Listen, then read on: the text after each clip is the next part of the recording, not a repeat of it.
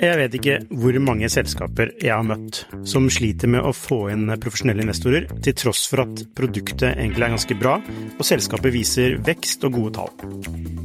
Hvis det er én ting de proffe investorene er på utkikk etter, i tillegg til at du bygger et bra selskap, selvfølgelig, er hvordan du håndterer dine aksjonærer, eller ditt såkalte captable, som det heter på startupsk. Et ødelagt captable setter rett og slett en stopper for selskapsutvikling. Unlisted.ai gjør det mulig for selskaper å håndtere aksje- og opsjonsprogrammer, aksjeeierboken, captable og det meste av rettigheter inn mot aksjene i selskapet på ett sted. Prøv unlisted.ai sin gratisversjon i dag.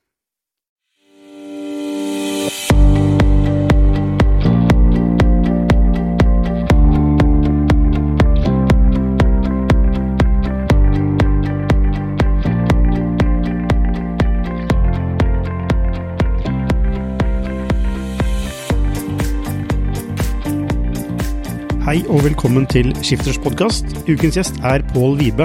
Han har eh, omfattende toppledererfaring fra retail-bransjen. Han var XXL-sjef frem til i fjor sommer. Han har vært toppsjef i, topp, unnskyld, toppsjef i Europris, og, og, ikke minst eh, Nille. Og han har også sittet i styret til Oda, og nå sitter han i styret til en rekke oppstarts- og skaleringsselskaper. Og han investerer litt penger også i disse selskapene, eller hva, Pål? Det stemmer, det stemmer. Jeg liker alltid å investere i selskaper jeg er engasjert i. Um, ja, det er retail som er ditt spesialområde. Altså, det er der du har brukt mesteparten av din eh, altså, eh, toppledertid. Ja. Um, men er det slik at eh, toppsjefer kan være som toppsjefer uavhengig av industri? Ja, det er et sånn klassisk spørsmål. Jeg tror det er en veldig fordel at du kan industrien. Det, det må jeg si. Så for meg, for eksempel, når jeg da jobbet i retail, så er det klart at uh, Paul i XXL var en mye bedre utgave enn Paul når han starta i uh, ICA Norge eller Hakon-gruppen i 1998. Så, uh, men samtidig så er det noen prinsipper for ledelse det å få med deg folk som jeg tror noen mennesker sant, som at, liksom, Hvis man gjør det på en bra måte, da, så kan man lede folk. da. Og når jeg jobbet i McKinsey for mange mange år siden, så ledet jo folk som var bedre enn deg på mange områder. ikke sant? Og det gjør de også i, i retail. Så det handler om å få med seg folk, og det er litt universelt. da. Ja, for du, altså, En ting er å ha spesialistkompetanse. Mm. Eh, type, altså du nedi grøten på en bestemt ting.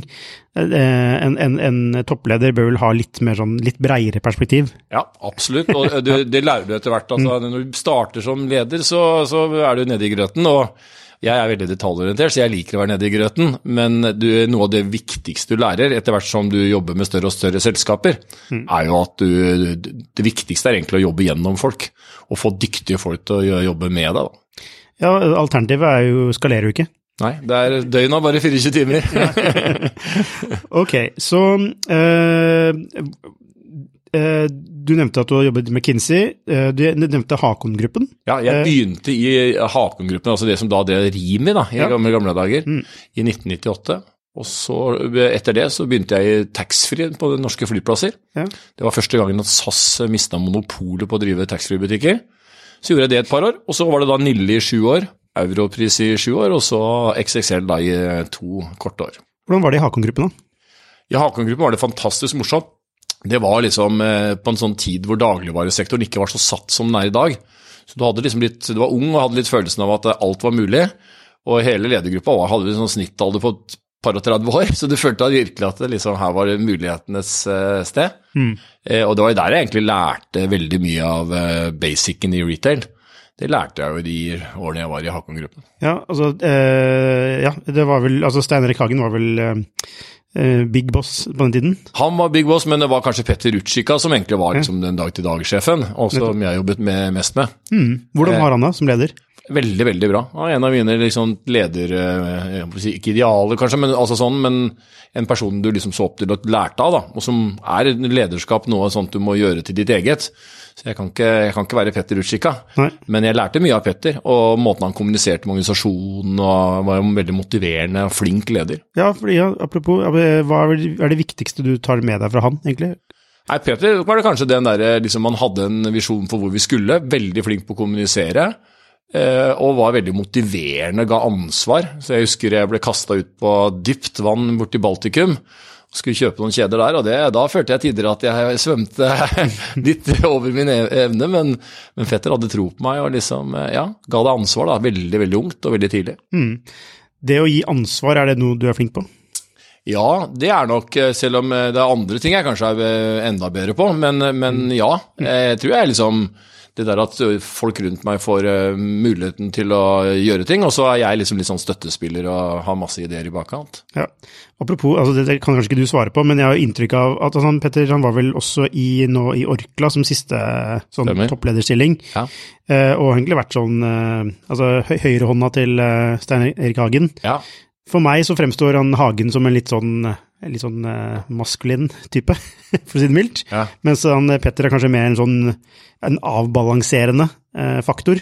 Er, er, det riktig beskrivelse? Eller? Jeg vet ikke om liksom maskulin, men jeg tenker nok at eh, Petter er nok eh, kanskje lederen. Også er Stein Erik er visjonær, men, men, kanskje litt mer sjenert og liksom ikke mm. så utadvendt. da. Mm. Mens Petter er kanskje den som liksom former seg teamet. Ok, Så du var du først McKinsey, så var det i Hakon-gruppen. Og så, hva var neste steg da? Travel Retail Norway heter det. Det er det selskapet som faktisk fortsatt i dag driver mm. taxfree-butikkene på norske flyplasser, og er en eh, joint venture, som det heter, mellom et tysk selskap, som er nest størst i verden på det, Gebryde Heinemann, og da eh, eh, et norsk selskap, Validus. Altså, Hvor vanskelig er det å sende taxfree-varer? Du, Det er ikke så vanskelig å selge taxfree-varer, for det er en veldig takknemlig oppgave. For vi nordmenn er veldig glad i taxfree, men det som jeg synes var veldig gøy Jeg elsker å jobbe med retail, eh, og litt av grunnen er at alle har en mening om det. Det som er bra med taxfree, er at alle er veldig engasjert i det. Eh, det som er, gjør det enkelt, det er jo at kundene kommer jo uansett, de må igjennom. Og så lagde vi jo walkthrough-butikker, sånn at du måtte igjennom. Yeah. Og det ble enda mer lønnsomt. Eh, men, eh, men, samtidig så er det jo litt sånn retail på speed, på den måten at eh, altså, hvis kassen er nede i 20 sekunder, så taper du jo um, millioner av kroner. Mm. Og, og, kundene kommer jo ikke tilbake, for de skal ut og fly. Så du må på en måte ha, liksom, du må ha fulle hyller, og, og alt må funke. Og du må ha veldig sånn salgsorientert organisasjon. Veldig kortsiktig, da. Eh, ja, veldig fokus på liksom at der og da, kan du mm, si. Mm. Eh, ikke nødvendigvis kortsiktig, for du må jo bygge det på en langsiktig måte, men, men liksom, du har eksamen hele tiden. Og, og, som sagt, er kassene nede og butikken ikke funker eh, noen timer, så er de kundene tapt. så du må, du må, ha en veldig sånn eh, ekstrem altså infrastrukturoperasjon? da? Ja, du må det. Mm. Og så må det være en organisasjon som er veldig tagget eh, og veldig salgsorientert. Og det var det vi skapte. Så, og det var jo min første sånn store, det var min første CEO-jobb, faktisk. Mm. Så jeg husker at det var, det var lærte jeg masse. Altså, du, Da du kom inn der, skjønte du med en gang hva du skulle gjøre?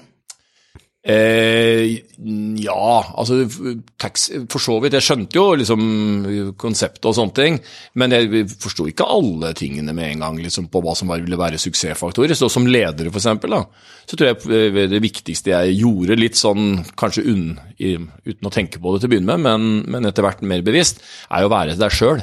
Mm. Så du, liksom, det, det, er ikke en sånn én formel for det å være leder, og så liksom det er det du gjør det, så lykkes du.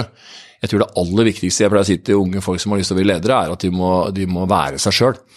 Uh, og så, liksom, så lenge folk vet liksom hva de kan forvente, så, så, tror jeg de kan akseptere ulike typer ledere. Altså Det å være seg selv, hva betyr egentlig det? For du kan liksom ikke kan, altså, hvor, hvor, mye seg selv skal man være? Nei, Jeg tror uh, man skal være veldig mye seg selv som leder. altså Gi av seg sjøl som, som, type. da, så Jeg er en veldig engasjert fyr. Uh, prater masse med folk, eh, kommuniserer mye, prøver å få med meg, lytte og få med meg hva, hva organisasjonen sier da. Så det der inkluderende, engasjert eh, som, som, leder, da, hvis du er det. Mm. mens andre kanskje er litt mer introverte, mer tenkende og på en måte men flinke på andre områder. ikke sant? Så det er ikke sånn at det er én formel som, som er liksom den eneste for å lykkes. da. Men hvis jeg prøver å være en annen type enn den jeg er, fordi jeg liksom har sett at sånn var en annen leder jeg ser opp til, så blir det litt rart, liksom. Det, da, ja, da, da, skjønner folk at det er et eller annet uh, feil her, da. Mm, så, okay, så du jobbet i dag eh, som CEO i da Taxfree. Mm. Eh, mm. Altså, det er vel kanskje ikke en bransje, eller kanskje det er det? Det er faktisk en bransje, det er ja. en av de største bransjene i verden. det er på alle flyplasser over hele verden. Ja, nettopp. Ja.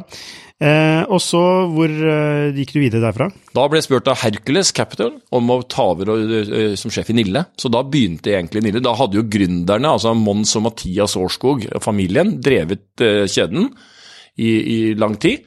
Og så ble, solgte de, de majoriteten av aksjene sine til et sånn private equity-selskap, og så skulle jeg da inn og, og lede, da. Mm. Så det var en Det var ja, det kanskje, kanskje, den største utfordringen jeg har hatt, liksom. Fordi du, du gikk fra noe som var ganske sånn strukturert og strømlinjeforma på Gardermoen og norske flyplassene, til en veldig typisk gründerbedrift hvor det var veldig lite rutiner og regler og prosedyrer og systemer.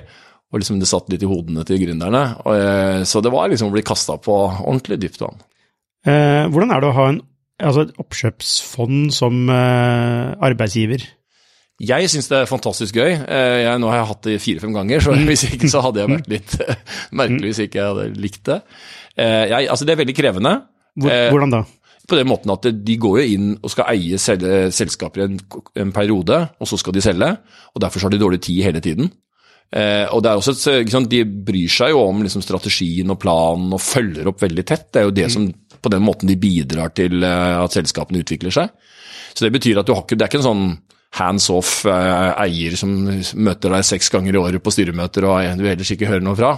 De er jo de er veldig veldig tett på driften, mm. og du må på en måte egentlig være forberedt på at alt man gjør blir gjennomlyst og vurdert og, og diskutert. Eh, men så er det også samtidig mange De beste av de er jo flinke til å liksom skille mellom hva styret gjør, og at ledelsen får liksom friheten til å gjennomføre. da. Bare at du får eh, masse sant, innspill og ideer. Ja, Så en, en, viktig ting for deg i Nille var å få strukturer på plass, da, eller? Ja, det var å få systemer og strukturer på plass. Lage en plan for liksom, hva, hva er det vi skulle gjøre for noe. Vi skulle modernisere kjeden, og så liksom lage den planen for hvordan vi skulle gjøre det. Eh, men det var også veldig mye kulturbygging. altså Det var en organisasjon som da ikke var kanskje så vant til liksom, lederutvikling og det der å skape et team av eh, laget. da. Jeg pleier å si at kjeder er jo det ultimate fotballaget. Så du har liksom eh, Hvis logistikk og lager og logistikk er liksom Forsvaret, så er det noen midtbanespillere og så er det noen spisser som skal sette ballen i mål. Og det der å lage et lag av gjengen i Nille, da, det, det var kanskje min første sånn store lederutfordring. Ja, og Hvordan løste du denne? Nei, eh, For det første så må du få folk rundt deg, det er ikke bare jeg. Du må lage et lag rundt deg som du må støtte og bygge opp. Eh, så det var det kanskje det aller viktigste. Og så er det litt sånn som et fotballag, liksom, at du, du må liksom dele opp elefanten og trene mye. Eh, og så være veldig orientert rundt det å bli litt bedre. Det var der jeg utvikla den filosofien, at liksom trenger ikke å være verdensmester i dag, men du må ha et brennende ønske om å bli litt bedre. Mm. Da blir vi veldig bra til slutt. Nettopp. Så eh, kulturbygging eh, gjennom å fokusere på Altså, ble, ble, det, ble det noen viktig verdi å bli litt bedre? Altså, Var det det som var historien du fortalte? En av de tingene, ja. Og så var det selvsagt mye rundt dette at vi skulle modernisere alt det som møtte deg som kunde. Så det var kanskje der jeg virkelig lærte meg de siste elementene i det kan vi si, retail-håndverket. da.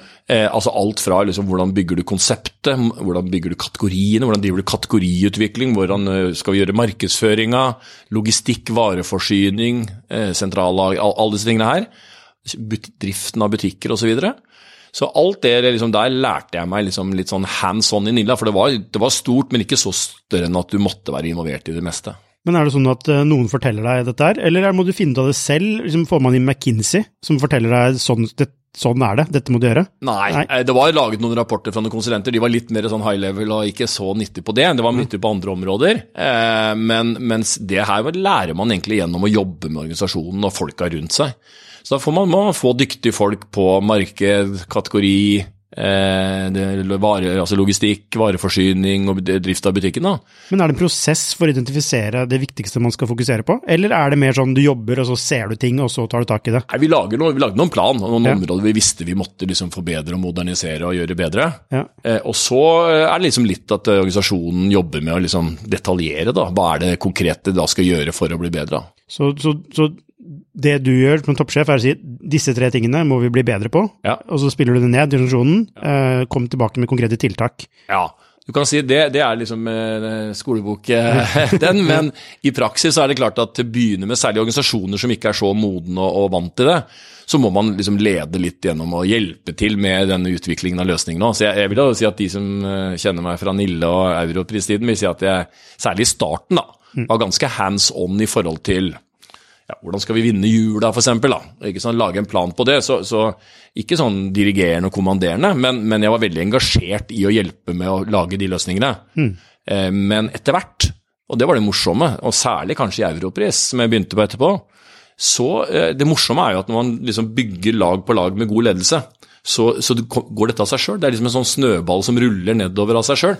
Så eh, i, i, Europris på slutten så, så, begynte vi å bli fantastisk bra eksempel, på det der å vinne sesongene. Mm. Eh, og da var ikke bare fordi jeg var så veldig god på det, eller ledergruppa mi, men fordi liksom vi klarte å bygge det ut i hele organisasjonen. da. Helt ut til de som var ute i, ute i butikk. Ja, Vant dere jula i Nille? Vi vant jula i Nille, og etter hvert eh, enda mer i, i mm. Europris. Mm. Så jeg husker et av mine stolteste øyeblikk som leder, hvis jeg kan ta det, det må jo være Det var jula 2019. Da hadde jeg eh, jobbet i Europris i seks år, og um, vi hadde veldig fokus på det å vinne jula. Eh, og jeg skulle ut og jobbe på Black Friday på butikken vår på Vestby, og fikk da liksom eh, han assisterende butikksjefen var med meg, skulle liksom lære meg opp på hvordan jeg skulle gjøre og sånne ting. da. Og når han da gikk rundt med meg og liksom forklarte meg peak day-metodikken, som vi kalte det, mm. altså hvordan toppe toppdagene, liksom, hvordan ta de siste kronene ut av de dagene som er helt crazy, da tenkte jeg liksom at nå har vi lykkes, liksom. Altså, mm. For seks år siden så var det ingen av oss som hadde en plan for hvordan vi skulle vinne jula. Mm. Og nå sitter assisterende butikksjef eh, på Vestby og forteller mm. meg liksom hvordan vi skal optimere enkeltdager, liksom. Ja. For å ta den siste der, da. Så da sa du opp? jeg sluttet faktisk etter noen, måneder etterpå, men det var ikke pga. det. altså. Nei. Men jeg tenkte over at da, da jeg lykkes med å skape en kultur, da. Mm. Og en organisasjon som liksom er litt sånn selv, selvgående. Og det mener jeg er kanskje det viktigste som leder. Det er ikke, altså, du skal jo ikke gjøre organisasjonen avhengig av deg sjøl. Så det der at det går bra etterpå, at organisasjonen er en sånn selvgående maskin, på en måte, ja. det er jo det beste. Da har du virkelig lykkes som leder. Så da må jeg nesten stille deg et spørsmål. hva skjedde med Nille? Ja, det var det.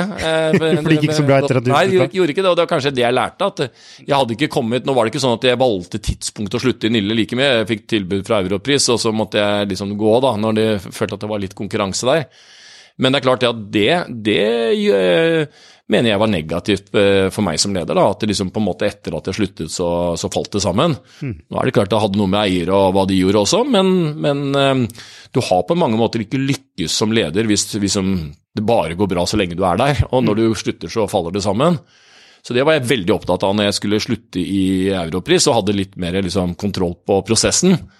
At jeg, at jeg, skulle liksom sørge for at det også fortsatte. Og det, nå sitter jeg i styret der, så jeg kan liksom eh, nyte og glede meg over at det går veldig veldig bra. Enda bedre faktisk etter at de har sluttet. Ja, og jeg er en av de kundene som kjøper fem eh, sjokolader for 100 kroner. Fem, fem sjokolader for 100 kroner er en, er en vinner. ja, det tror jeg på. Når alle gjør det eh, nå. Eh, ja, altså nå Senest Coop. Eh, ja, det er blitt en sånn Men ingen eh, selger så mye som Europris når de gjør det, så det nei. er veldig moro.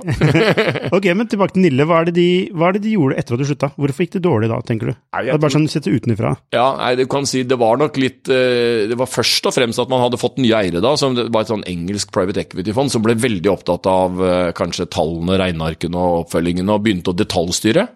Eh, og Det er nok litt av det som er faren, altså når liksom skillet mellom styre og eiere blir blurred, sånn at liksom styret og eierne begynner å liksom detaljstyre hvordan man, skal, hvordan man skal gjennomføre en plan. Mm. Det er veldig viktig at styret er med på å liksom definere planen og hvor man skal, men så må man la ledelsen og organisasjonen egentlig gjennomføre.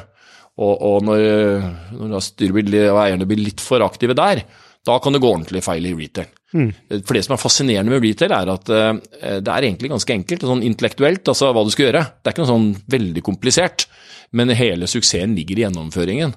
Uh, og Hvis du da begynner å tukle med det som eier, og du ikke er egentlig inne dag til dag, men, men begynner å gjøre det, da går det fort gærent. Og det gjorde de Nille. Altså Du har jo bare suksess på suksess på suksess, og så mm vi skal ikke snakke om XXL, du lovte. Eller du lovte, det, ja, det skal vi ikke. Men. Eh, men altså, hva eh, vil du si at dette med at styret eh, Altså forholdet mellom styre og eiere eller, og, og, administrasjon er en sånn vesentlig eh, del for å lykkes? Altså, det må, altså det, uten det, så Ja, Jeg sier ikke at det, er, at det, er, helt avgjørende, men det kan, det, kan, ødelegge mye. Det er ikke sånn at styret Jeg sitter jo i mange styrer nå. Mm. Det er ikke sånn at styret er helt avgjørende til enhver tid for et selskapssuksess. Det aller, aller viktigste er egentlig ledelsen og organisasjonen. Hvis jeg skal velge, det er bedre med bra ledelse og dårlig styre enn motsatt. Mm. for å si det sånn. Kjempebra styre, men dårlig ledelse? Ja, det, det funker ikke. Eh, ja. så, men det er klart at det, når det funker veldig bra, da, så er jo når du har en god ledelse og et godt styre, og et god samhandling dem imellom. Mm. Og jeg prøver å ta med meg det inn når jeg skal jobbe, sitte i styrer. at det, altså Litt av styrets jobb er jo, uh, styrets jobb er jo å utfordre ledelsen, men man kan gjøre det på en ålreit måte. Og det tar jeg med meg liksom inn i mitt styrearbeid. at Jeg prøver alltid å liksom uh, utfordre, tenke hva vi kan gjøre bedre, men samtidig liksom gjøre det på en sånn måte at ledelsen uh, syns det er konstruktivt og hjelper. hjelper da. Mm. Ikke være en drittsekk, liksom, eller ja. Men altså, som sagt, altså du, nesten alt du tar i, blir til gull. Altså, du, du, du har fått alt til å, å vokse veldig, veldig bra. Uh, så jeg lurer på, når det ikke har fungert, hva, hva, hva har du slitt med da? Hva har vært utfordringene dine da? Det er sånn at eh, det er alltid sånn, selv om liksom du For det er ikke bare meg, da, det er et lag som det er, det er som et fotballag som gjør det bra. Det er liksom, det er laget, summen av spillerne. Men du er en slags uh, Guardiola, da? Ja, jeg er treneren. Ok, manageren. Jeg skal ha min, min, del av det, da, kan du si. Jeg tror, Men du skal også være klar over at liksom, det er jo ikke sånn at verken i Nille eller Europris eller sånn, så var det en sammenhengende liksom, suksesshistorie. Det var jo, gikk jo opp og ned. Eh, og det er, av, det er, jo hele poenget. Mm. Eh, altså I Nille, for å ta det eksempelet, så gikk vi jo på trynet med lager og logistikken. Vi vokste som fort at lager og logistikken var ikke bygd for det. Mm. Så vi hadde skapte Norges største konteinerberg utafor sentrallageret vårt. Eh, fordi vi rett og slett ikke hadde kapasitet i den farta vi hadde. da. Eh, og det lærte jeg veldig mye av. Så jeg tror liksom, Poenget er ikke at det liksom kommer til å være en sånn he, altså hele tiden en suksess. Du, det er egentlig måten du takler motgang på som avgjør om det blir en suksess. Mm. Og det kan være bra for mange startup i disse dager, når det er litt tøffere marked og litt tøffere tider. Så er det egentlig å tenke på at det er egentlig måten du takler de der motvind på, som avgjør om du vinner liksom i lange løp. Da. Så hvordan takler man motgangen? Jeg tror det går på liksom, å ha fokus på oppgaver. Altså hva man skal gjøre, hvordan man skal forbedre seg, og ikke begynne å ta personer. Så Fotballspråk igjen, da. Liksom, mm. ta, ta ballen og ikke mannen eller kvinnen. Så Det tror jeg er noe av det aller aller viktigste. for Det blir fort gjort liksom, at man ikke tar ansvar eller at man skylder på hverandre, eller noen sånne ting, men at man heller får mer fokus på hva kan vi gjøre bedre, mm. eh, og liksom oppgavene. Hvordan mm. man skal bli bedre. Det tror jeg er det aller viktigste. Og så er det noe med at eh, når det går Bare for å ta det på det, altså, det er jo litt vanskelig noen ganger å ikke bare tenke altså, han gjør ikke jobben sin, eller hun gjør ikke altså det der, altså Ja, men jeg, jeg, jeg, tror det er veldig viktig, og da, jeg, jeg er iallfall ja, opptatt av liksom, litt sånn konstruktivt å hjelpe vedkommende til å bli bedre, da. Mm. Eh, og Så kan man, man, alltid gjøre en vurdering av om det er liksom potensialet er der, at man, man må gjøre noe skifte. Så Det er, det er ikke, det, er ikke det der, men, men, det der å liksom eh, hele tiden ha fokus på hva er det du kan, du kan gjøre bedre, mer enn mm. at du er dårlig eller ikke. Mm. Eh, og det er klart at I tider hvor markedet vokser veldig, så er det én type ting. Eh, når markedet da plutselig blir veldig turbulent, og det er kostnader og lønnsomhet som er viktig, så er det blitt en annen type fokus. Og jeg mener at det egentlig er litt bra. fordi du kan, hvis du i, i, gode tider så glemmer du kanskje litt å fokusere på marginer og eh, kostnader, og så får du liksom en periode hvor det er mye tøffere i markedet, og da kommer det veldig mye bra ut av det. Mm. Så Jeg kan ta et eks nylig eksempel nå fra et styre jeg sitter i, som er Skvis, som er i Askeladdene. Og Der jeg, var jeg en sånn veldig sånn startfase hvor det vokste veldig. Og så i det siste halvåret så har liksom eh, Marianne og My, da, som leder det selskapet, måttet ha mye mer fokus også på lønnsom vekst. Og, og, og, liksom har gjort en kjempejobb ikke sant, med å trimme kostnader, optimere timestyring og gjøre andre ting enn bare den topplinjeveksten. Mm. Så jeg tror liksom at selskapet blir, kommer styrket ut av det hvis du i ulike faser har fokus på ulike ting. da. Er det den uh, evnen til å iterere og bevege seg mm. eh, som avgjør om man vil lykkes eller ikke? Ja, jeg tror det. Og jeg tror de beste selskapene, uh, gründere eller modne selskaper, da, det er de som klarer å liksom virkelig få til ting, da, altså forbedre seg i sånne faser. Da. Jeg kan ta et eksempel. Du nevnte at jeg sitter i styret i Oda. Det var fantastisk lærerikt. Eh, og i starten, altså, og fortsatt, så er jo Oda sånn at liksom, kundene elsker jo det konseptet. Og de kom jo og innoverte og skapte noe som alle hadde lyst på. Eh, men i starten så vokste vi jo veldig, og det, gikk jo, altså, det vokste mye mer enn man trodde. Eh, og på et tidspunkt i 2016-2017 så så vi jo at liksom dette er jo ikke holdbart. altså klarer, altså Det lageret vårt kommer til å bli Norges største hvis vi skal fortsette å utvide for hvis vi jobber på den samme måten. da. Og Det jeg synes var noe av det beste som Carl og teamet da klarte å gjøre, var at de da liksom så at de måtte sette energien sin på og liksom gjøre noe med, med måten man eh, plukket og forsynte varer. da. Mm. Eh, og så innoverte man og satte hele den der energien og, og smartnessen i, i, å utvikle det. Og har i dag da det som eh, sant, er verdens mest effektive plukke- og logistikkløsning for online grocery. Det er, det er ganske imponerende, liksom, at de da klarte å skifte fokus fra bare topplinje til også liksom, å innovere på ikke sant, lager, logistikk og vareforsyning. Altså, jeg har en påstand her om at eh, i etablerte selskaper så er det mye vanskeligere å endre seg. Det vil si eh, det er mye mer fastsatte strukturer som gjør at det er krevende, og det krever mye større mot fra en CEO da, Mm. til å faktisk gå for noe helt annet. Eller, eller store forandringer. Ja. Er det riktig? Eh, ja, men mot vet jeg ikke. Jeg tror ikke det er mot det mangler på, men jeg tror kanskje det er mer. Jeg bare sånn, Tenk deg et liten startup som sitter rundt et bord sånn som vi gjør nå. Ja. Hvor alle liksom med en gang er informert om hva som skjer, og, og alle vet hva man skal gjøre. Og så plutselig så har du XXL da, med 5500 mennesker i fem land. Eh, det er jo en mye større og mer komplisert jobb å liksom få 5500 Absolutt. mennesker til å forstå nå skal vi i den retningen, vi må justere oss der, vi må endre der, og dette er måten vi skal gjøre det på, enn det er å få en fem stykker rundt bordet til å liksom Er vi enige, folkens, og så gjør vi det. Ja, men er det ikke derfor det krever mer imot? Fordi du faktisk Det, altså det har så enorm impact, og det er så enormt stor operasjon. Altså Når det er fem stykker, så er det liksom ok, hva kan gå galt? Ja. Uh, men når det er 5000, så er det litt annerledes. Ja, så du sånn, må ja, Det å ta Altså det å ta en, en beslutning og stå i den, selv om den, du ikke vet om den vil være det riktige Du, du, har du har ikke fasiten, men du tror på noe. Mm. Det må jo kreve mot. Ja, kanskje. Eh, Jeg har aldri egentlig liksom eh, vært så bevisst og tenkt på at det er veldig Nei. skummelt, men, men jeg tror du tenker liksom på at eh, alltid tenkt liksom på at det er, det, er eh, altså det, det som beveger selskapet videre, da, på en måte. Det, det skal man alltid gjøre. Om det er ti mennesker der, eller om det er, eh, om det er 5500, så er det, er det riktig, så skal du gjøre det uansett, liksom. Og jeg tror alle selskaper, og det viser jo historien, alle selskaper må utvikle seg. Og de som står stille, de blir ferdig. Så liksom eh, du, liksom Nille i 2012-2013 når jeg sluttet, da. Hvis vi hadde gått tilbake til å gjøre det på akkurat samme måte som vi gjorde da, så hadde vi vært helt ferdige i dag. For verden har beveget seg. Du må hele tiden videreutvikle konseptet og måten du gjør ting på. Ja, det er, det er jo riktig. Samtidig så er det jo noe med den derre Skal vi gjøre mer av det som lyk vi lykkes med, mm. eller skal vi utforske nye ting? Mm. Altså, for det er jo en sånn Altså, den der balansen der er jo, er jo krevende. Den er veldig krevende, og i, i retail nå for eksempel, så er jo det mange som har det, eksempel, bærekraft, sirkulær økonomi, nye tjenesteløsninger. Altså I XXL så testet vi ut liksom mye servicekonsepter og selge brukt og leie ut ting og sånne ting. Og så er det bitte, bitte lite. Og så vet du at det er mye mer viktigere i framtida, mens du har en business som liksom du skal gjøre mer av.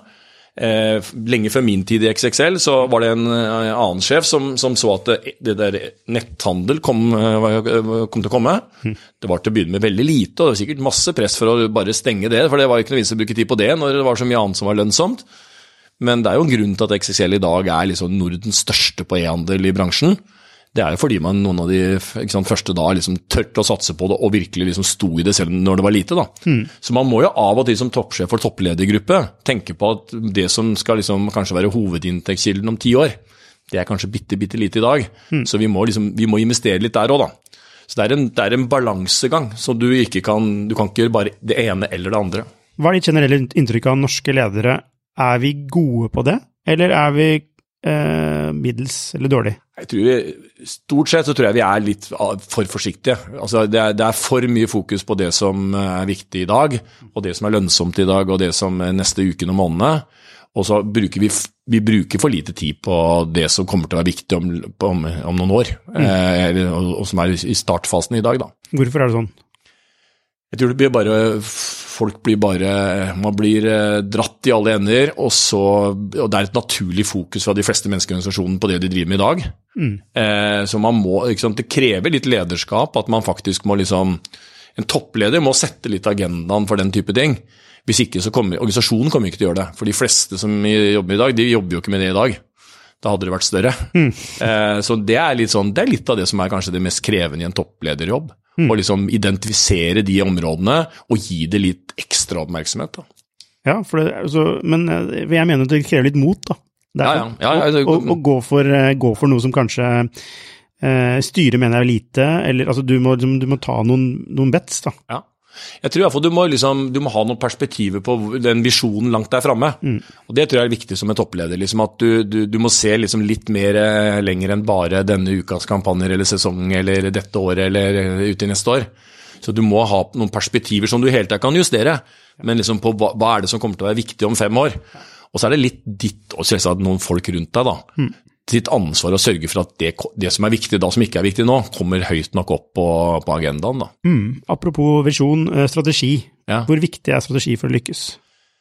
Strategi er viktig for å lykkes. Jeg, jeg er mer opptatt av liksom, eh, at man må vite litt den der langsiktige visjonen for hvor man vil hen. Mm. Og så er det jo sånn at For 20 år siden så lagde man femårsplaner, ikke sant? og det var jo fantastiske dokumenter.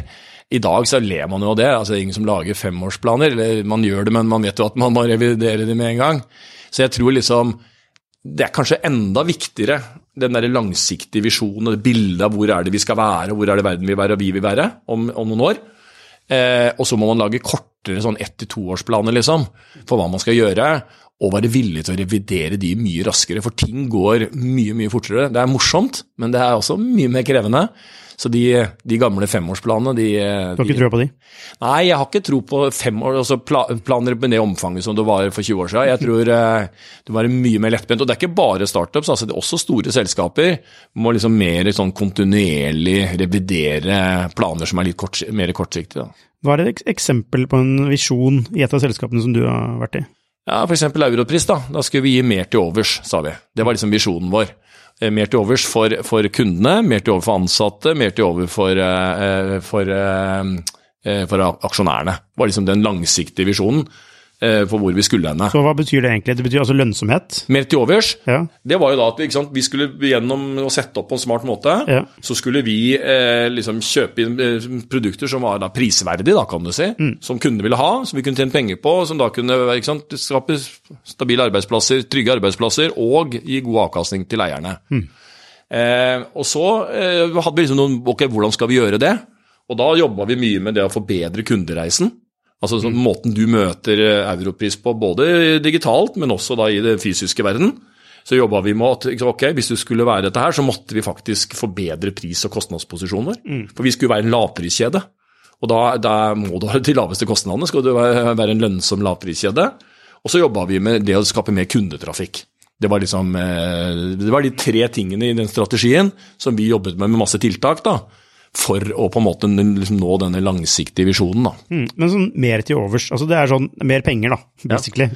Ja. På en måte. Eh, er det ikke egentlig, altså for jeg føler Alle visjoner handler egentlig om det, på en måte. Altså Man skal jo tjene mer penger, og så klarer man liksom å skru, skru wordingen litt. Men så jeg tenker litt med mer til overs, så er det egentlig en veldig sånn fin greie. altså fordi Altså, Det sier jo noe om hva som er fokus. Ja, og Det er ikke bare finansielt, det er mer til overs. Det kan være andre ting også. ikke sant? Altså sånn, Du får mer eh, tid til overs, du får mer eh, Så vi brukte det på liksom, eh, vi brukte det på mange aspekter, ikke bare det rent finansielle, som selvsagt er det du blir målt på, på, på noen områder, men overfor ansatte og for andre. da, Så var liksom, så vi brukte det som en sånn litt sånn Jeg likte den fordi den den er liksom litt hele europriskonseptet i, i noen få ord. Mm. Eh, men det kan også være en ledesnor for hvordan du skal jobbe med sant, utvikling av ansatte, ledere osv. Kulturen i Europris, da, som mm. er litt unik. Ja, altså for, eh, altså, men kunne Oda hatt mer til overs?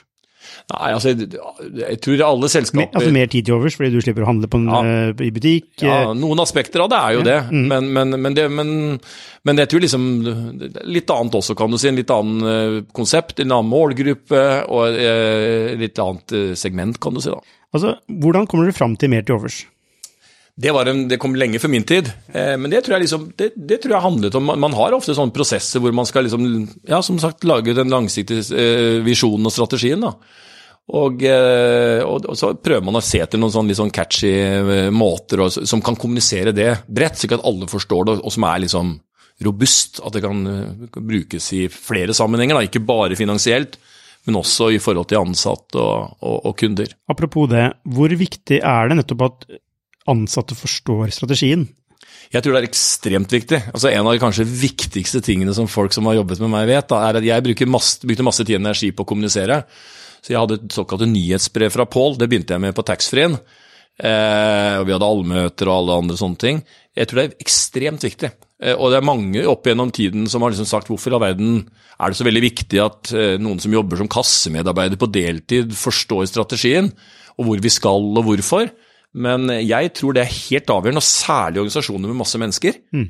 Så En av de, en annen sånn stolt øyeblikk jeg hadde, det var faktisk det var vel sommeren 2020.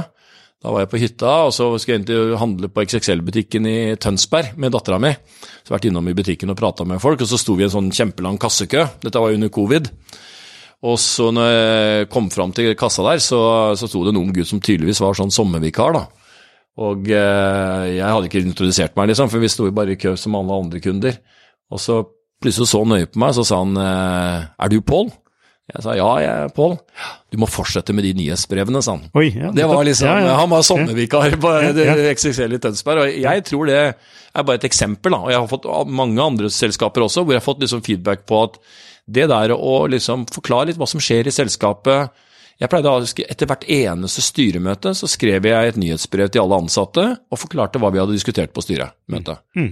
Selvsagt liksom på en sånn måte at det var lett å forstå, men men eh, jeg tror det er veldig viktig. Jeg tror Man undervurderer hvor viktig det er. For det er jo tross alt de 5500 i XXL, eller 3000 i europris, mm. som hver dag går på jobb. Det er jo de som skal gjennomføre.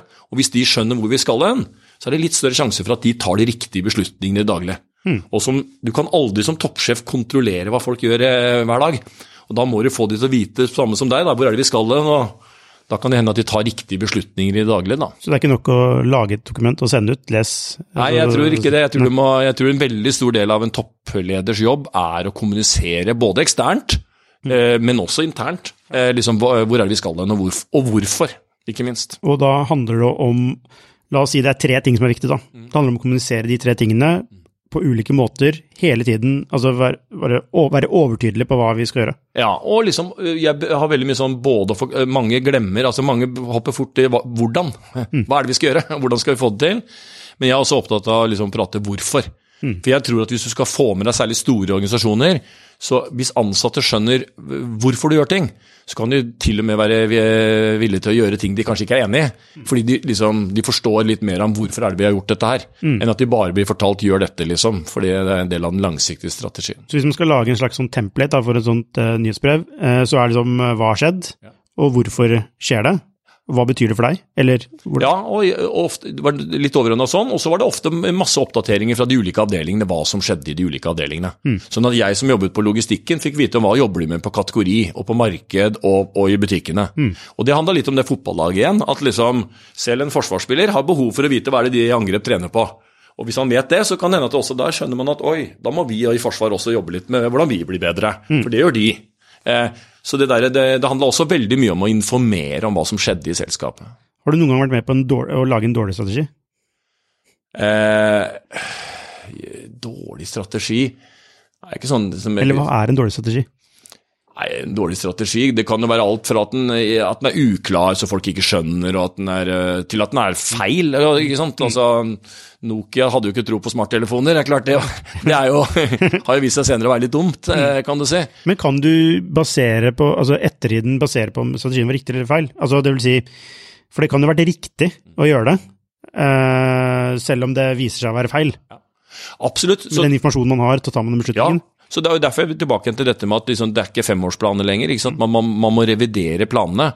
Så det er ikke noe veien for at liksom, man går i vei med en strategi, og så justerer man den. Og så etter syv år så er man kanskje på et helt annet sted enn det man var syv år tidligere. Mm. Så hadde du spurt meg på min første dag i Europris om hva jeg trodde vi skulle gjøre, og på min siste dag, så jeg, jeg mye klokere på min siste dag enn min første dag. Ja. Og det samme i Nille og i andre steder jeg har vært. Så jeg tror liksom at eh, poenget er ikke å treffe riktig. Men det er kanskje liksom å, å, på en måte begynne å komme i gang, gå i en retning som er sånn grovt sett riktig, og så justere underveis. da. Så du må liksom være i bevegelse hele tiden? Du ja. skal, må, må tippe ja. litt som en fotballspiller? Ja. ja. Du kan si Det er noen bransjer hvor eh, det du driver med er eh, si, livsviktig for folk, så da skal du være litt forsiktig før du begynner å sette i gang. Men i retail og mange i tech så tror jeg det er veldig mye handler om å komme i gang og, og starte en eh, be, be, bevegelse og endring. Og Da tror jeg det er viktig å på en måte heller være rask enn å liksom mm tenke veldig nøye på det du skal gjøre, og kanskje gjøre mindre. Da. Så hvis du skulle uh, gått inn i et nytt selskap nå, og dere skulle lage en ny visjon, hva, hva, hva er liksom stegene for å lage en visjon? Eh, ja, det er ikke noe sånn én sånn modell. Og Nei, hva vil- hva vil- hva vil hva Jeg tror det aller viktigste du begynner med, eh, er liksom at man tar utgangspunkt i hvem er kunden, og hva, er det man prøver å løse for de. Jeg tror det er det aller, aller viktigste. For hvis du ikke har noen kunder som du løser et eller annet viktig for, så hjelper det ikke om produktet er fantastisk bra. Og det høres litt opp sånn selvfølgelig ut når jeg sier det nå, men jeg, det slår meg. Jeg- i, jeg har jobbet med flere sånne selskap, tech-selskaper som jobber for, mot retail f.eks., men som har av og til veldig dårlig forståelse for hvordan retailerne tenker og hva som er viktig for dem og hvorfor. Så da lager man et kult produkt eller en kul løsning, men man vet ikke egentlig om kundene trenger det, eller liksom hvordan de skal bruke det. da. Så jeg tror, jeg tror Har du et eksempel på det? Eh, jeg skal ikke henge ut her nå, men, eh, men, men jeg tror jeg, altså det slår meg. Det er flere av de, Min rolle i mange av de selskapene jeg jobber med, det er ikke det er dårlig, men det er å liksom prøve å fortelle de, eller prøve å hjelpe da, med å, å liksom hvordan tenke, f.eks. hvis det er en retail-kunde. da. Og også kanskje stille spørsmål der jeg ikke har så inngående kjennskap til hvordan kundene tenker. Spør, stille spørsmål rundt det. liksom. Hvem er det vi skal selge til, og hva er det som er viktig for dem? Hvordan bruker de det? Hva skal de gjøre med det? Hvordan kan det være enklest mulig for dem å, å lykkes i å ta i bruk eh, det vi lager? da? Mm. Nå, for nå tenker, altså ja, for nå tenker du altså retail som en B2B-kunde. Ja, ja. for eksempel. Ikke sant? Altså du har et produkt som vil at retail skal sende, selge for deg. Ja, er eller, at, kunden, ja. eller at det er en tech-løsning som skal hjelpe retailerne med å selge mer. ikke sant? Forskjellige Mm. sånne ting. Da er det jo veldig viktig å skjønne hvilke prosesser, hvem er det som bestemmer? Hvilke prosesser er det hos retaileren? ikke sant? Som, det dette, hvordan passer dette med andre ting man gjør? da? Mm. Så det der å skjønne kundene dine, det er faktisk veldig viktig. Mm. Eh, Hvis ikke så kan du lage verdens beste produkt, men kundene har ikke behov for det. Ja. Nei, men ja, ikke sant. For det handler om å, altså, det handler om å løse problemer. Ja. Og det er vanskelig å Eller det handler om å lage et, lage et selskap som kontinuerlig kan løse problemer. Ja, og, og, liksom, og, og, ha en sånn eh, ydmykhet og forståelse for hvordan kan du sørge for at det er minst mulig friksjon når dette skal liksom inn i en organisasjon og hjelpe en organisasjon med noe, da, hvis det er B2B. da. Ja. Eh, i, I B2C, som jeg har jobbet mye med, altså retail, så handler det om å gå inn i, liksom prøve å gå inn i konsumentens hode. ikke sant? Å forstå de store kundegrupper, da, segmenter. Hvordan tenker de rundt dette? Hvordan vil de oppfatte det, det vi nå lanserer? da? ja. Så Europris, hvem var kunden der? Europris, det er, det er jo egentlig folk flest. Medium til lavere inntekter. Barnefamilier. Ja, for liksom. du er ikke typisk kunde i Europris. Eh, Sånn ifølge er- profilen, liksom. Nei, kanskje ikke når du tenker sånn der, eh, det sosioøkonomisk, men. Men, eh, men nei, toppsjefer er kanskje ikke det, men jeg var nok det. For jeg, jeg er litt mer er snitt opptatt av, av retail og prisbevisst. Ja, okay. Så jeg liker liksom litt sånn den utfordreren der, da. Men, men det, det er å prøve å sette seg inn i de store målgruppene, og hvordan de vil oppfatte dette, da. Mm. Og så på en måte lage produkter og konsepter og kategorier og løsninger som på en måte gir verdi til de. Ja, for mange snakker jo veldig om å treffe de premiumsegmentet. Eh, men, men, men Europris er, liksom- det er å treffe alle. Ja, og jeg har vel egentlig kanskje liksom lavere segment, faktisk. Sånn, ja, jeg er jo kanskje altså, Taxfree var jo litt sånn, der var det jo litt premium og litt ikke sant, luksus. Eh, mens i i Nille og i Europris så var det egentlig, handler det jo egentlig om å treffe folk flest. Og, liksom, og da tenke gjennom løsninger. Liksom, hvordan vil folk flest se på dette? Hva gir de verdi? Hvordan finner du ut av det? Spør du dem? Du kan spørre de litt, eh, for noen ganger det er ikke alltid de liksom eh, gjør det. Og så tester man ut litt, ikke sant. Altså, det er tilbake til det at eh, vi, du begynner, du gjør kategoriutvikling, og så ser du at dette funker, for du ser det på salget. Det er det som er så herlig med retail. Du ser med en gang på salget, dette funket ikke. Så justerer du. Så eh, det er ikke nødvendigvis liksom alltid at du gjør store kundeundersøkelser som gir deg svar, og dette, sånn skal du gjøre, og da lykkes du, og så bare gjør du det. Det handler vel så mye om liksom å gjøre noe, og så forbedre. Så Ta det eksempelet som jeg tok tidligere med jula. da. Jeg begynte i Europris. eh, Julen 2014 så var det klart det at liksom, da kom vi i gang, satte i gang og liksom jobbet med hvordan vi skulle bli bedre på å gjennomføre på julen. Ja. Eh, og så gjorde vi egentlig små og store forbedringer i fem-seks år, eh, før det begynte å bli liksom veldig bra. Og, eh, så det var ikke sånn at vi satt der i 2013-2014 og liksom Sånn skal vi bli best på sesongen i, i Norge, liksom. Nei. Du må egentlig gjøre noe. Tune, gjøre noe, tune. Det er det mer det å dette skal vi jobbe med. Ja. Dette skal vi bli bedre på. Ja. Og en, eh, mer enn dette skal vi gjøre. Ja, og så en, og så så skape en kultur og en atmosfære hvor folk senker skulderen og tør å fortelle hva som gikk bra og ikke bra. Liksom sånn at man hele tiden leter etter forbedringer. Ja, så Men tilbake til spørsmålet om strategi. Det må knyttes til problemet du løser for kunden. Ja. Det er helt, eller visjonen, det er Ja, helt ja. essensielt. Ja. Så ikke sant, Du lager en langsiktig visjon, og strategien er jo egentlig bare planen for å gå dit. Og så er det som vi sa da, at planene har etter hvert blitt mer og mer kortsiktige. altså Før kunne man lage femårsplaner. Nå, nå er det litt tullete, så nå lager de fleste ett til to års handlingsplaner. Og så, og så reviderer man hele tiden, da, kan du si. Ja, bare en liten distraksjon. Eh, liten altså, detour. Jeg ble, nysgjerrig. Uh, ja. Husker du en eller annen sånn ting, altså en konkret ting dere har gjort som bare økte salget sinnssykt mye?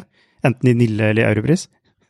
Uh, ja, eh, i euro Det er to ting jeg kan gjøre, bare for å vise hvor liksom, Det er ofte sånn enkelt og praktisk. Jeg kan ta, jeg kan ta fra taxfree-en. Så husker jeg at en av de mest lønnsomme tiltakene jeg gjorde på ankomstbutikken på taxfree-en, vet du hva det var? Det var jo da, det var en veldig liten butikk, så det var litt vanskelig å komme inn og fylle på hyllene når det var liksom søndag kveld og alle kom hjem fra ferie. Mm. Eh, så da, da, da, gikk vi tomt og mista masse salg, for det kunne forsvant jo. Mm. Så en av de mest lønnsomme tiltakene vi tjente masse penger på, det var egentlig å skjære ut veggen bak hyllene, sånn at vi kunne fylle på hyllene bakfra. Så sant, For kundene da Vi, vi skar egentlig ut veggen i butikken, mm. sånn at vi kunne fylle på utenifra. da. For vi kom jo ikke ellers til. Det tjente vi masse penger på, og vi var mindre utsolgt. Eh, det er sånn man ikke lærer på, på skolen. Eh, I Europris eh, altså, Du har alltid sånne ikoniske ting som at du hvis du skal bli best på sesongene, så må du velge ut noen ting som liksom skal symbolisere det, da, liksom mot kunden og internt og alle sånne ting. Og i Europris så husker jeg vi hadde en, sånn nisse som vi har solgt ganske mye av, det, det, er, er offentlig informasjon. ja. Den kosta liksom, Favorittnissen. Ja. Og det var egentlig en idé fra en butikksjef i Bergen som liksom hadde solgt en del av det og mente det var et kjempepotensial for å selge mer av det. Mm. Og da tror jeg vi liksom Favorittnissen? Altså en, en, nisse? Det er en nisse, far og mor, ja. på 69-70 cm, mm. som da liksom kost, var veldig sånn prisgunstig da, i ja. forhold til størrelse og sånne ting. Stor nok til at det var liksom, ble lagt merke til, men ja. ikke så stor at det ble dyrt. Mm.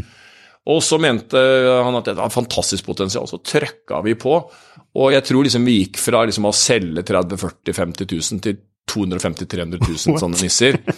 Gjennom å liksom massivt eksponere det og liksom trøkke og ha salgskonkurranser og fokus. Og det var en, mm. en sum av kategoriutvikling, mm. innkjøp, ikke sant? Ja, ja. Eh, markedsføring, gjennomføring i butikk. Mm. Og hele organisasjonen fulgte jo da det derre Nissebarometeret. Nissebarometeret. Ja. Og nå har nissen fått en barn, da, så nå har de fått to barn da, ja.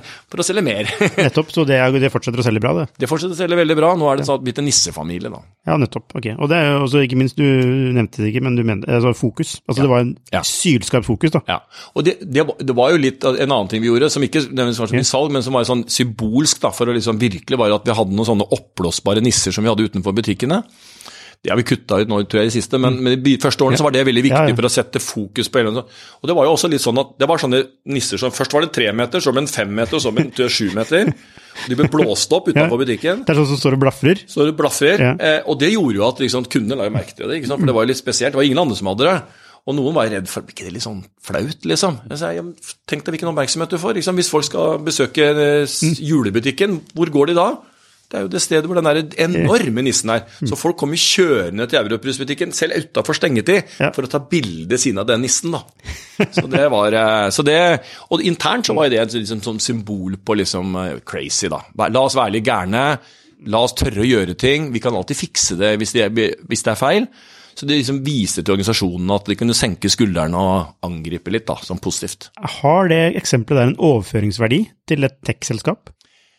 Jeg tror, Hvis det skal være overføringsverdi med mm. den, den syvmeternissen, så må det være at man ikke må være redd for å stikke seg litt ut, eh, og på en måte bli lagt merke til.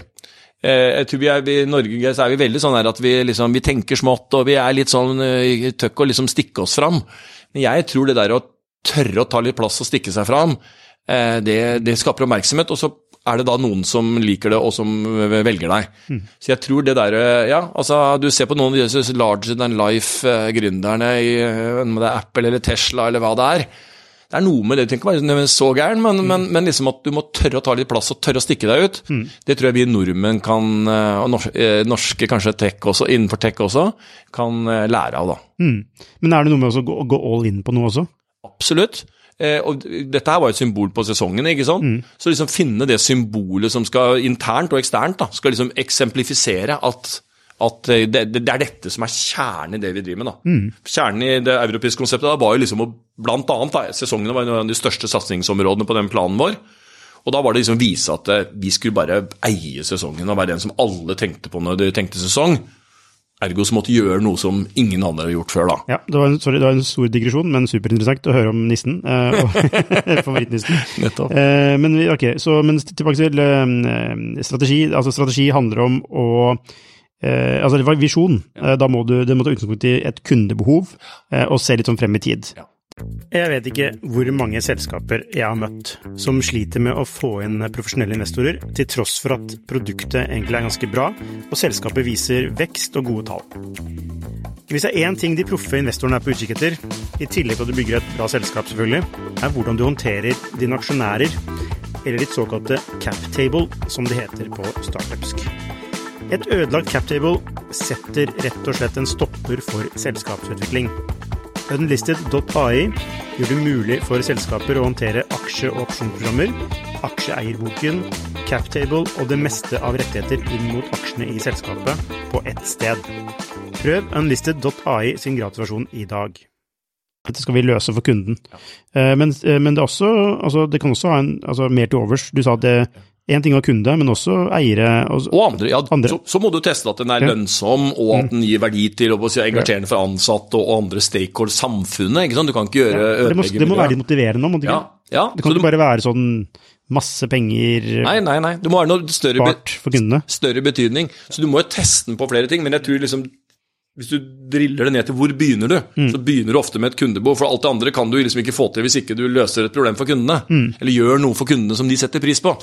Men så er det også de andre tingene. Så Det er jo, det er jo flere bunnlinjer som vi snakker om. Så Det er både ansatte og samfunnet for øvrig, og eierne, Mm. som på en måte nå må? Det, må det må stemme for alle. da.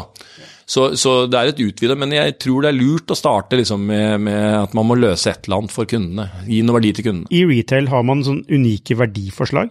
Eh, altså, ha, altså, europris, det er vel pris? Europris er jo da pris mer til overs. Ja. Gir, gir deg mer til overs. Klart det. Ser du på en annen kjede som har vært veldig vellykket, som jeg ikke har jobbet med, men, men som heter Synsam, som er premium innafor uh, briller, har jo på en måte klart å ta en posisjon i altså helt motsatt ende, hvor de liksom tar seg godt betalt for briller og for liksom synstester og den kompetansen som er i kjeden, og har gjort det kjempebra. Så det er ikke sånn at det liksom det er én strategi som eh, er riktig der, men du må være gjennomført da, hvis du først liksom velger en posisjon. Ja, ja. Eh, nå skal vi ikke snakke om XXL, men Antonsport har, er jo ikke pris.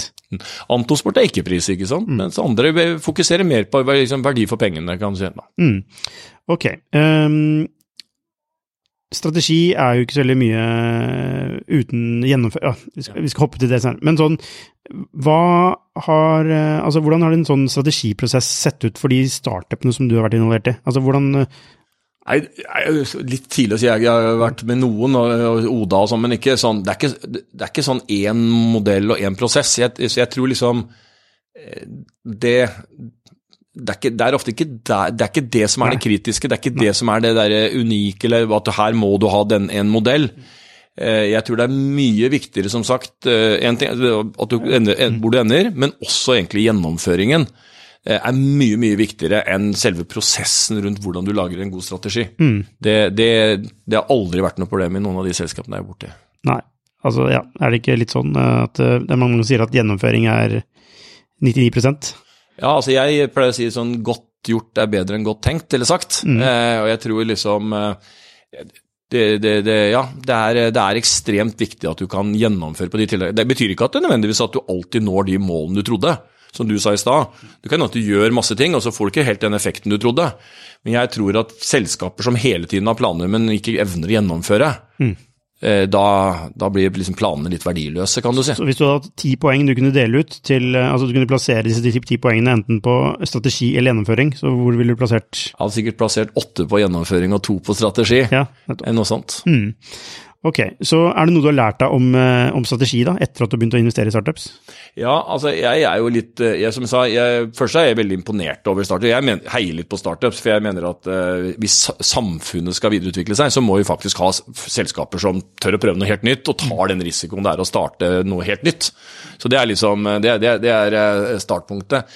Jeg latt meg imponere over mange gründere, eh, og den energien de har, og den evnen de har til å Altså, Til tider så, så var det jo, la ta Oda da, så var det jo liksom hindre man tenkte at det her var ikke en enkel utfordring. logistikken var i ferd med å sprekke, liksom. Eh, men den evnen man har da til å liksom klare å nesten gå gjennom vegger, da, på en måte, på veien mot denne langsiktige visjonen, det er, det er, sånn, det er mange startup-gründere som jeg har latt meg imponere av. Mm. Eh, som jeg sa i stad, dette med å liksom sette fokus på noe nytt. da. Kanskje til å begynne med topplinje, så kanskje lønnsomhet, så kanskje noe logistikk eller noe annet som er helt kritisk der og da. Og så klare å gi, gjøre noe breakthrough på det. Det syns jeg mange startup-selskaper er veldig flinke til. Eller de flinkeste av de, da. Ja, Hva er de ikke er så flinke til, da? Eh, generelt er vanskelig å si ikke er flinke til, for jeg synes mange av de vellykkede startupene er jo flinke til okay, Hva kan de bli bedre på?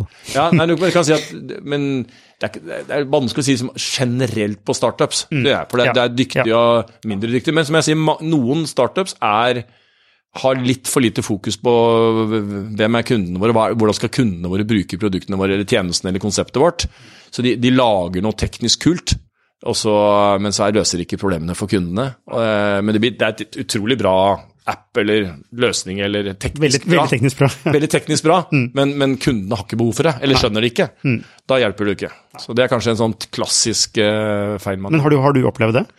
Eh, jeg har opplevd at man har manglende forståelse for hvordan det skal brukes av kundene. Ja. ja mm. det, det, der føler jeg liksom at jeg, jeg, jeg kan tilføye noe i en del sånne selskaper jeg er involvert i. For jeg, jeg kommer fra kundesiden og liksom forbrukersiden og konsumentsiden og tenker alltid liksom mm. Hva er det løsningen skal gjøre for den som vi skal selge til? Det er, liksom, det er mitt utgangspunkt, da. Og da Er det ikke litt overraskende at man ikke har et sånn basic kundefokus? Jo, man, man, har jo kundefokus, man sier man har kundefokus, men, ja, men, det. Ja. men, men, det handler liksom litt om å genuint klare å sette seg inn i det. Så må du huske på at det er jo ganske mye Det er jo også viktig å løse en par andre ting òg. Så liksom eh, så det der at man da klarer å løse de tekniske utfordringene, f.eks., kan jo til tider ta all energi. Og da er det ikke så lett å switche over. Mm. Og da er jo det fordelen med å være styremedlem og kunne ha litt helikopterview. da. At man da kan liksom minne på at man også må, må liksom tenke gjennom hvordan dette skal gjøre, gjennomføres hos kunden. Mm. Vi har allerede nevnt dette med execution, eller gjennomføring, mm. hvor viktig det er, og det er liksom 80 da, i din bok. Eh, altså, hvordan får man til bra execution? Eh, jeg tror eh, noe av det er liksom det der å få hele organisasjonen med på å forstå eh, forstå liksom hva man skal gjøre. Jeg tror, eh, jo større selskapet er, jo viktigere er faktisk det. Altså I Europris og XXL så hjalp det ikke om jeg eller ledergruppa visste hva vi skulle gjøre, og hvordan vi skulle gjøre det. Hvis ikke liksom hele veien ut, da. Så jo større selskapet er, jo mer viktig er det at alle forstår hva de skal gjøre, og hvorfor. Mm. Da tar de bedre beslutninger. Så det er kanskje noe av det aller viktigste. Eh, ja, det, og som jeg sier, jeg har mer tro på dette med å gjøre altså godt gjort er bedre enn godt tenkt. Mm. Så, så det, der, det, er bedre å gjøre ti ting. Ja, Men du er ikke så opptatt av modell for execution etc.? Som oftest, de fleste modeller jeg har sett, modeller mm. i gåsetegn jeg har sett for execution, er ekstremt enkle. Mm. Uh, og Det er også viktig å ikke overkomplisere det, så du, du lager liksom store systemer for å følge opp. Mm. Så blir du mer opptatt av å fylle inn skjemaene enn å, enn å gjøre tingene. Men som sagt, det der å få det, gjøre det man sier man skal gjøre, det er utrolig viktig. Og det å ha en organisasjon som, liksom, som, klarer å gjøre det de sier de skal gjøre, veldig veldig viktig. Det er ikke alltid at effekten er sånn som du tror. Da må du mm. kanskje gjøre om. Men jeg ville heller gjort ti ting og måtte gjøre om to-tre, enn å sitte og ruge på to-tre ting mm. og ikke komme videre til de neste syv år. Mm. Men er, sånn, er modellen egentlig bare sånn dette skal vi gjøre, har vi gjort det eller ikke? Du kan si litt, du, du, også Mange selskaper som jeg jobber med, har jo sånne OKR, som er sånn mm. Objective og Key Results. Det er en fin måte å bryte si, målene ned, ikke sånn, så man vet litt delmål da, man skal gjøre. Så tror jeg liksom litt på å ha en altså tenk å være enkel bare, hvem er det som skal, Hva er det vi skal gjøre, hvem skal gjøre det, innen mm. hva, når? Ja, det trenger ikke å være noe veldig komplisert. Nei, nei, ikke sant. Og, hvordan, og så, så, er det ok, så, du, så det må jo være en tydelig plan for ja. hva som skal gjøres, ja, og hvem som skal gjøre det. Det må være en ansvarlig. Eh, og så må det være en, eh, altså en, en, slags kommunikasjon på siden hele tiden. En struktur for å følge opp, liksom, sånn at man følger opp. Mm. Eh, gode prosesser liksom, for å følge opp. da. Ja. Så altså, Ta det eksempelet igjen, som du sikkert nå begynner å bli lei, da, men eh, sesonger og, og Europris. Så er det klart det at der har man laget en metodikk hvor man liksom planlegger sesongene. Eh, så gjennomfører man, så evaluerer man med en gang i detalj. Mm. Hva skal vi gjøre bedre neste år? Og så lager man planer som man jobber med i 68-9 måneder. for å kunne gjennomføre på neste gang det er denne samme sesongen. Og da er det en prosess og metodikk, og det er jo nesten den som er viktigere. Så jeg pleide å si at det var ikke viktig om vi liksom var perfekte den ene sesongen her, men at vi hele tiden blir bedre, at vi har en prosess hvor vi hele tida blir bedre. Det var jeg veldig opptatt av. Men Går det bra med Europris nå? Det. Det går veldig bra med Europris. Jeg er enda bedre etter at jeg slutta, så det er bra. Ja, ja, ok. Men er altså, det er litt morsomt at du føler på det etter at du slutta. Hvordan det Ja, veldig. Det var det som du Ja. sa til meg, arresterte meg på i stad, at, eh, altså, som jeg kanskje følte var eh, si, min, ikke min feil, men, men ikke bra som leder at det går, til, går dårlig etter at du slutter. Så jeg har vært veldig opptatt av når jeg sluttet i Europris at det skulle gå bra etterpå, og det, det gjør det. Så, Nå sitter jeg i styret der fortsatt, så jeg liksom får eh, være med og hjelpe til og sånt, men det er jo fra en eh, kommentatorrolle og ikke en, eh, ikke en operativ rolle. Ja, altså, Du kjenner kanskje til han Jim Collins og den boka 'From Good to Great'? Ja, ja. Han snakker mye om dette. Den legacyen, altså det du etterlater deg, eh, betyr mye eh, for om du er en god eller dårlig leder. Det er veldig mange som kommer inn, og så går det allerede bra. Eh, så det er, det er ikke, altså, du måler en god leder på hvordan det er etter at han har slutta. Eksakt. Og det er det, det er det som jeg sier. Det er, og du blir stadig bedre. Så Paul 2023 er bedre enn Paul i 2004, når jeg ble CEO for første gang. Og en av de tingene jeg har lært da, fra bl.a. Nille, var jo det at man, som du sier, man, man er ikke bedre enn det man, organisasjonen er etter at du har sluttet. Når du snakker, så høres det så enkelt ut. Det er ikke veldig enkelt, men det er klart at man liksom får litt avstand og, og helikopterperspektivet, så kan det høres sånn ut. Men jeg håper ikke det. Hva som ikke er enkelt? Altså, Planen din er jo enkel, altså strukturen din og metodikken Ja. din er veldig enkel. Og så er det liksom Hvor ligger friksjonen? Er det Det er jo det å gjennomføre Det høres enkelt på å gjennomføre, men det er klart at særlig store organisasjoner med masse mennesker, det å få flere tusen mennesker til å, tusenvis av mennesker til å liksom eh, forstå og gå i den takt, da. Det, det, er, eh, det er enkelt å si, og mm, det er jo, eh, men det er jo liksom nitty-gritty. Det, det er igjen tilbake til en sånn fotballanalogi. Alle skjønner jo hvordan man skal spille fot bra fotball, og man trener jo på det. Men liksom det der å få det til å skje, og, eh, og, og, og få mange mennesker til å gjøre det riktig, da det, Men det er også derfor jeg syns det er gøy, da, kan Ja. du se. Og det bringer oss over på neste punkt, som er ledelse. Ja. For det, er jo det det er. Mm. Det er å få Ja. det til å skje. ja. Eh, altså, hva kjennetegner en god leder?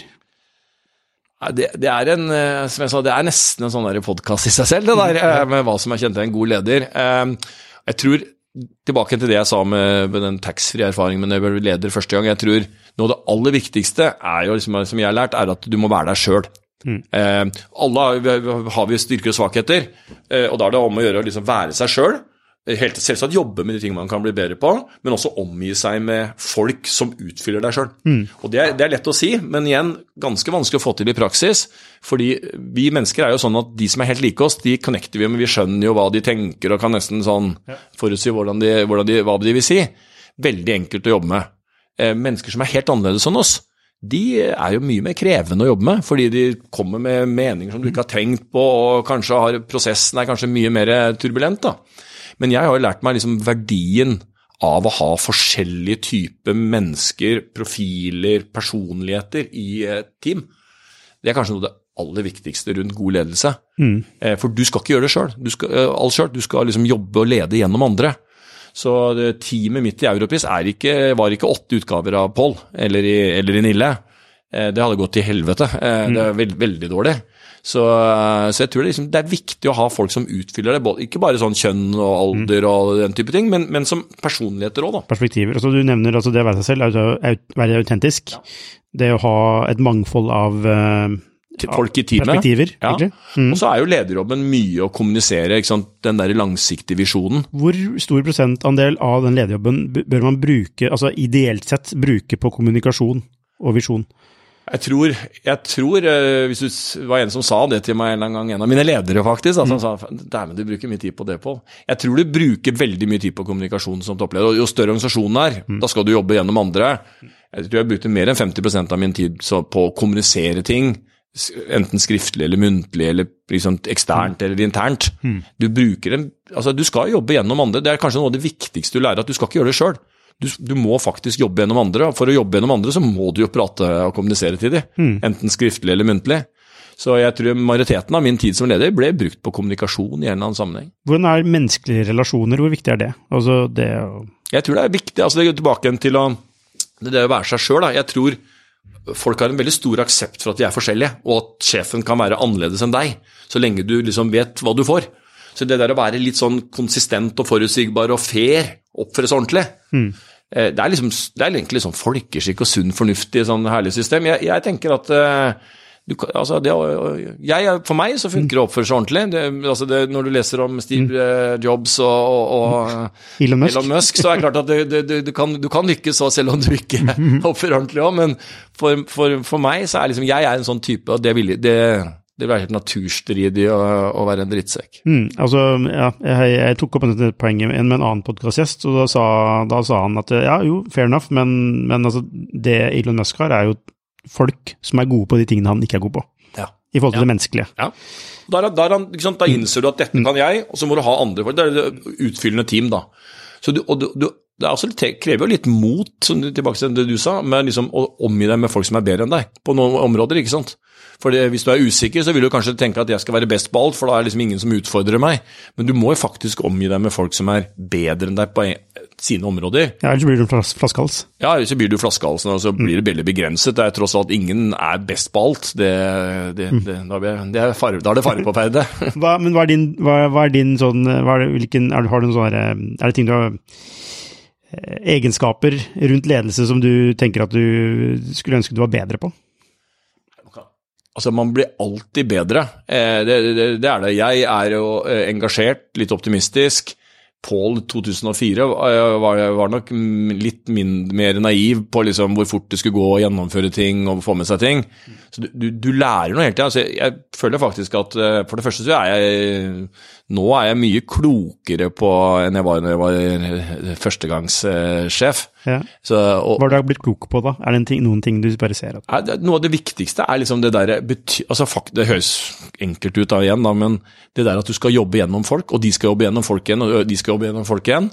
Så den verdien av å liksom lag på lag med ledelse og skape en sånn kultur- og lederutviklings... Vi gjorde i Europris et program da, som gjorde at det, liksom, det ble en sånn maskin som gikk av seg sjøl. Det hadde jeg nok ikke skjønt hvor viktig var eh, for 15-20 år siden jeg begynte som leder, som toppsjef eh, fullt ut. Jeg skjønte jo, så jeg sa at ja, det er fornuftig, men jeg visste ikke hvor viktig det var. Mm. nå ser jeg at det, var helt, det er helt avgjørende. Fordi hvis man ikke skjønner det, hva er resultatet av det? At man skal gjøre alt sjøl? Da skal man gjøre alt sjøl. Som, som du sa, at man blir den berømte flaskehalsen hvor alt skal innom sjefen, for liksom alt må godkjennes av den. Og det er ikke alltid du tar rett beslutninger, og det blir, i beste fall så blir det i hvert fall en veldig sånn eh, flaskehals som stopper opp ting. Så, så, og så er det kanskje at du misser ut på potensialet. Da. For det er klart det som er fantastisk når du leder et lag hvor liksom, det er lag på lag med ledere som skjønner det samme og deler de samme verdiene og, og samme visjonen, det er at liksom, du får en litt sånn derre der Julan 2019-følelsen. At du får en følelse av at det, ikke ting går av seg selv, men litt sånn at ballen, snøballen ruller liksom litt av seg selv. Da. Det er det som er fordelen når man har fått jobbet gjennom det. Så er det selvsagt frustrerende i starten når kanskje ting, du, du, ruller snøballen oppoverbakke. Ja. Men når du først begynner å få det til, så er det en fantastisk motiverende som, som sjef å se. Mm, altså du, gründer, Gründere er jo ikke nødvendigvis utdanna ledere, eller har så mye erfaring med ledelse. Nei, det er, det er små selskaper som ofte, så det er ikke Ja, så hvordan, eh, hvordan blir de ledere?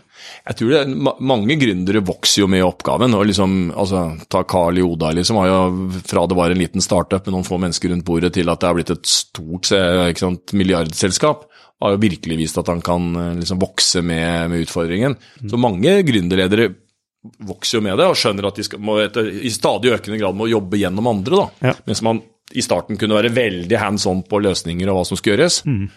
Og så er det noen som kanskje finner ut at hva, det, jeg, det som gir meg mest energi, det er faktisk å jobbe med produkt og konsept og det tekniske, eller hva det er.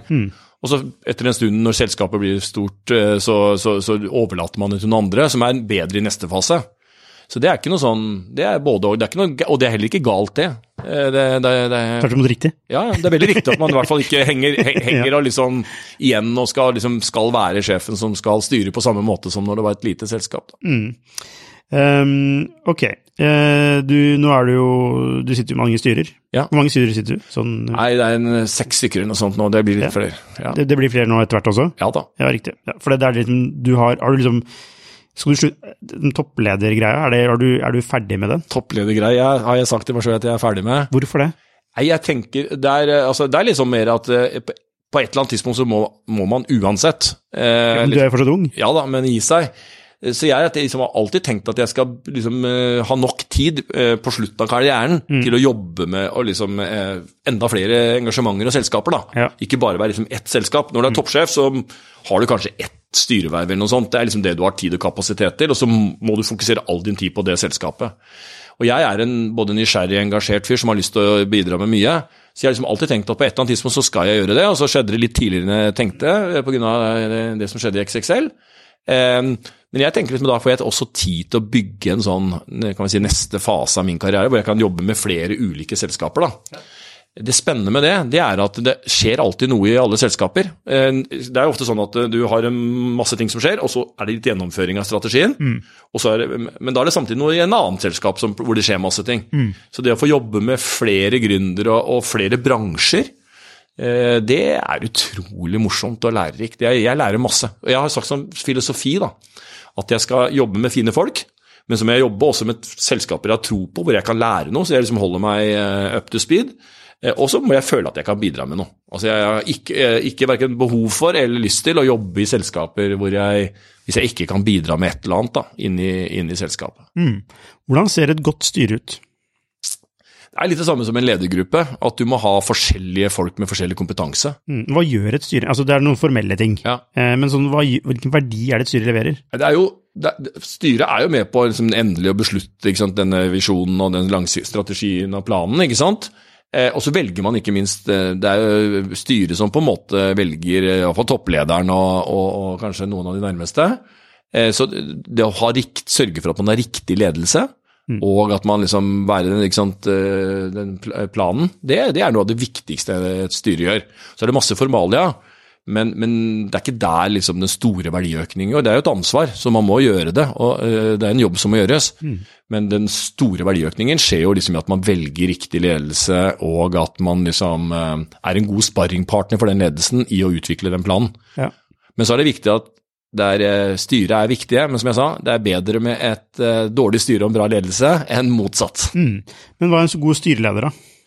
En god styreleder tror jeg eh, For det første, jeg, da skal du liksom egentlig få det beste ut av det laget da, som er styret. Så det er passe på at alle liksom blir hørt, eller får kommet inn med innspill, de som har innspill til de ulike sakene. Så man blir på en måte en teamleder, en manager for, for styret. Det er den ene delen. Og det andre er jo relasjonen til CEO. For det er jo sånn at CEO er jo den som skal gjennomføre, det som har ansvaret for, sammen med ledergruppa si for å gjennomføre. Så det der å være en god sparringpartner for den uh, sjefen, det er en veldig viktig del av styrelederrollen. Har du noen gang hatt en eh, styreleder når, da du var CEO, som har som har vært et forhold hvor det ikke har fungert? Ja. Trenger ikke å si hva, Ja, hvilken, ja, men, men, eh, men de Hvordan, fleste- hva, hva var det preget av? Nei, da var det litt preget av detaljstyring, som jeg sier, at man ikke helt hadde disse, disse rollene, da. Liksom, hvem, hva skal ledelsen gjøre, hva skal styret gjøre? Og man begynte å liksom blande seg, eller ja, eh, gå forbi eh, ikke sant, og liksom, eh, ledelsen, ikke sant, og prate med organisasjonen og sånne ting. Men de fleste, jeg må det si da, at de fleste styrelederne har hatt, de har vært veldig bra. Ja, men når det er, når det er sånn, da, som du beskriver, altså det er et forhold preget av mistillit, Ja. Da, altså hvordan kan det fortsette? Det kan jo Ja. ikke fortsette. Nei, ikke, ikke nødvendigvis mistillit. Det kan også tenke bare det. Da, hvis det er mistillit, da, da må man ta konsekvensen av det. Ja. Så da, da må man slutte som sjef, da. Eh, men, men eh, som oftest kan det være bare at man ikke er bevisst på det, at man blir overivrig, at man liksom ikke tenker gjennom ansvaret som styreleder, da, på en måte. Ja. Så som ofte, Det er veldig sjelden at det går så langt at det blir mistillit, men, men det kan fort være at liksom Det merker man sjøl når man sitter som styremedlem, at man blir ivrig og kanskje ser eh, løsninger og tenker, liksom blander seg inn, da, på en måte. Ja. Og ikke klarer å skille rollene mellom styre og ledelse. Ja, du, ja, du, du har skrevet meg tidligere at det, altså det, bør være, at det bør være gjensidig tillit mellom styreleder og Ja. CEO, da, eh, ekstremt tett. Ja. Hvordan ser en sånn relasjon ut da? Er det liksom full åpenhet? Ja, jeg mener det, det må være det, og, og også på da ting som ikke går så bra. Og, og, og liksom, Det må kunne være sånn at ikke nødvendigvis alt da blir tatt videre og brukt mot deg, liksom. Men? Så at du føler at det liksom, du kan, som sjef, da, at du kan være åpen om å dele 'dette funker, dette funker ikke bra nok'. Ikke alltid en toppsjef heller er løsningen. Altså, i, den prosessen hvor en toppsjef skal finne løsninger, så trenger han noen å spare med. Og da, og da skal jo, er jo styreleder en av de viktigste. Så det, det, Da må man ha full åpenhet, men man må også ha tillit til at det liksom ikke blir misbrukt, og at, uh, at man er en god sparringpartner. Mm. Uh, som sagt, Når løsningen er der og man vet hva man skal gjøre, da er det enklere. på en måte. Da skal, er det et innsalg. Men, men, det er jo en prosess før det òg, hvor man liksom skal finne løsningen. og det er ikke, Ingen som har vært toppsjef vet at det er ikke sånn at du våkner opp om morgenen og vet svarene på alle de vanskelige spørsmålene. Nei, tvert imot, kanskje? Ja, du har ingen svar? noen, noen forhåpentligvis. Ja, ja. Eh, ok, så eh, et styremøte, da. Hvordan, eh, hvordan ser et godt styremøte ut? Nei, Det er vel forberedt, eh, og at man har klar agenda. Jeg liker at man har sånne årshjul, mm. eh, liksom, som man liksom i løpet av et år dekker alle viktige temaer. At ikke noen ting faller ut. Men, men selvsagt at man har fleksibiliteten til å prioritere opp temaer som er brenner, da, kan du si. Hvem sitt ansvar er det? Er det CEO eller styreleders ansvar? Det er CEO i samråd med styreleder. Liksom, men er, jeg, jeg, jeg, har alltid sett på det som når jeg var CEO, som at det er mitt ansvar å sørge for at agendaen til styret er riktig, og så sparrer jeg med styreleder. Mm. Eh, og så er det klart, jeg liker styremøter hvor liksom man bruker mindre tid på å høre på presentasjoner, eh, og mer å diskutere på basis av presentasjoner som er sendt ut. Mm. Sånn at man liksom eh, Det er vanskelig, fordi av og til så har man også lyst til å vise liksom, at organisasjonen skal få vist hva de kan, og at talenter skal få vise seg fram. Men man må liksom balansere det, da, så ikke det bare blir liksom eh, maratonpresentasjoner. Ja, Hvor mange powerpoint har du sett på? Vet du, Jeg har sett på så mange at eh, ja, det er, det er, det er veldig mange. Og, og jeg, blir, jeg blitt ganske god på å skumme og ta essensen i powerpoint. Altså, Det må være et enormt potensial i å bare gjøre det mye altså, Det er så mye, altså, my, altså, virker som man finner kreative løsninger for å få mer tekst inn på disse powerpointene. Det er det ene. Og det ja. andre er liksom Noen andre har jo liksom notater. Lager ja, bare notater. Ja. Og så har man åpne spørsmål hvor man skal, ting man skal diskutere. Mm. Så jeg, jeg, som sagt, jeg er veldig opptatt av at man bruker nok tid til å diskutere konsekvensen av det som er laget, ikke bare selve presentasjonen. Mm. Men det krever jo også da at da må styret faktisk uh, jobbe litt. Mm. Så de må jo forberede seg og ha lest igjennom. og Du merker jo som sjef også, med en gang hvis, hvis, hvis styret ikke har lest det som er blitt sendt ut, ja. Ja, det, er kjent, det, det, er eh, veldig det er lite motiverende, kan du si. Liksom, eh, for da ja. vet du at du ikke da, Du får bare egentlig sånn eh, adhoc-innspill, og ikke egentlig gjennomtenkte innspill. Mm. Så jeg prøver å ta med meg det når jeg nå er, liksom, sitter i ulike styrer. da, At jeg skal være godt forberedt og liksom gi gode innspill, både i, under møtet og i etterkant av møtene. Sånn at, liksom, at ledelsen føler at du er en sånn, som jeg sier, en sånn ålreit, men mm. en positiv utfordrer. da. Mm. Hvordan finner man eh, gode styremedlemmer, da? Nei, altså Det er jo litt vanskelig. I store selskaper så har man jo headhuntere man kan bruke, selvsagt. Og det er jo bra, for da kan man liksom se, finne kandidater man ikke har tenkt på. Men ellers så må man jo bruke et nettverk og nettverket til nettverket. Mm. Og liksom, Nå er LinkedIn og andre hjelpemidler som er, gjør det litt, litt, enklere. Men jeg tror det er en utfordring ofte i sånne små selskaper at man, man må jo etter hvert få folk som kommer med andre perspektiver. Og da er det veldig fort gjort at man må utafor sin egen andedam. da. Og det er, nok, et, det er nok en utfordring for mange startups, liksom, at de, de rekrutterer i en sånn litt sånn snever pool da, av eh, nettverket sitt. Og da får man kanskje liksom litt sånn ekkokammer, mm. Eh, og får kanskje ikke de som hjelper med å utfordre litt uh, nok. da. Og, jeg har alltid tenkt som, som leder at jeg pleide å si at du kan som styremedlem eller som eier eller hva det er, eller som leder for den, du kan utfordre alt, for alt som gjør oss bedre, det er bra. Mm. Så jeg var liksom villig til å lytte til absolutt alt av innspill, så lenge det gjorde oss bedre. Eh, og da skal du få til det, så må du jo ha et uh, mangfold i styret. Eh, og da må du være litt bevisst på hvordan du skal få tak i det mangfoldet. Mm. Ok. Ehm, du, la oss snakke litt rann, avslutningsvis om retail. Ja. Uh, du vil ikke snakke om XXL, det skjønner jeg. Uh, men, men, uh, men, etter XXL, bare, sånn, altså bare en personlig plan ja, først. da. Ja. Du sa du aldri har vært i god, så god form som du er nå. Var det deilig å slutte XXL? Eh, nei, det var, det var, egentlig ikke det. Fordi jeg har, hadde en misjon med jeg skulle være i XXL og liksom gjøre den samme reisen der som jeg hadde gjort i Nille Europris, og det mm. ville jeg trengt tre til fem år til. Ja. Eh, så jeg, jeg, føler liksom det, det, er ikke gøy å liksom føle at, uh, at uh, man må slutte liksom tre til fem år før halvført reise, kan du se. Mm. Det er første gangen jeg egentlig jeg føler at jeg har gått ut av et selskap uten å ha fullført reisen.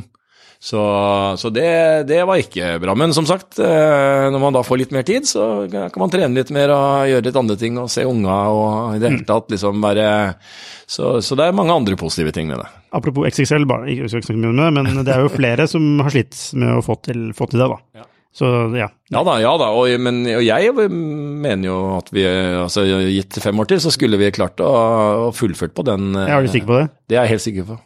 Ja, hva, okay. hva var den ene tingen du skulle gjort da? Nei, det handler egentlig Altså, retail er et fag eh, hvor det er mange ting. Og når det blir større, så blir det mer komplisert. Og da det handler egentlig om å fortsette de, de forbedringsprosessene og de, de, endringene man hadde satt i gang. Mm. Så vi, var, jeg har sagt det med media og alt, at vi var ikke uenige om planen. Eh, det var mm. mer måten vi skulle gjennomføre det på. Så bare gitt oss mer tid på å gjennomføre den planen. Så, og jeg er fortsatt aksjonær i XXL og heier på XXL og, og, og håper at det skal gå bra. Apropos XXL, som vi ikke skal snakke om. så jeg, jeg, i Altså, jeg ble liksom positivt overrasket da jeg var i Dram, på Gullskogen, på senteret der, på XXL-en der. Ja, ja. Det var så utrolig veldrevet.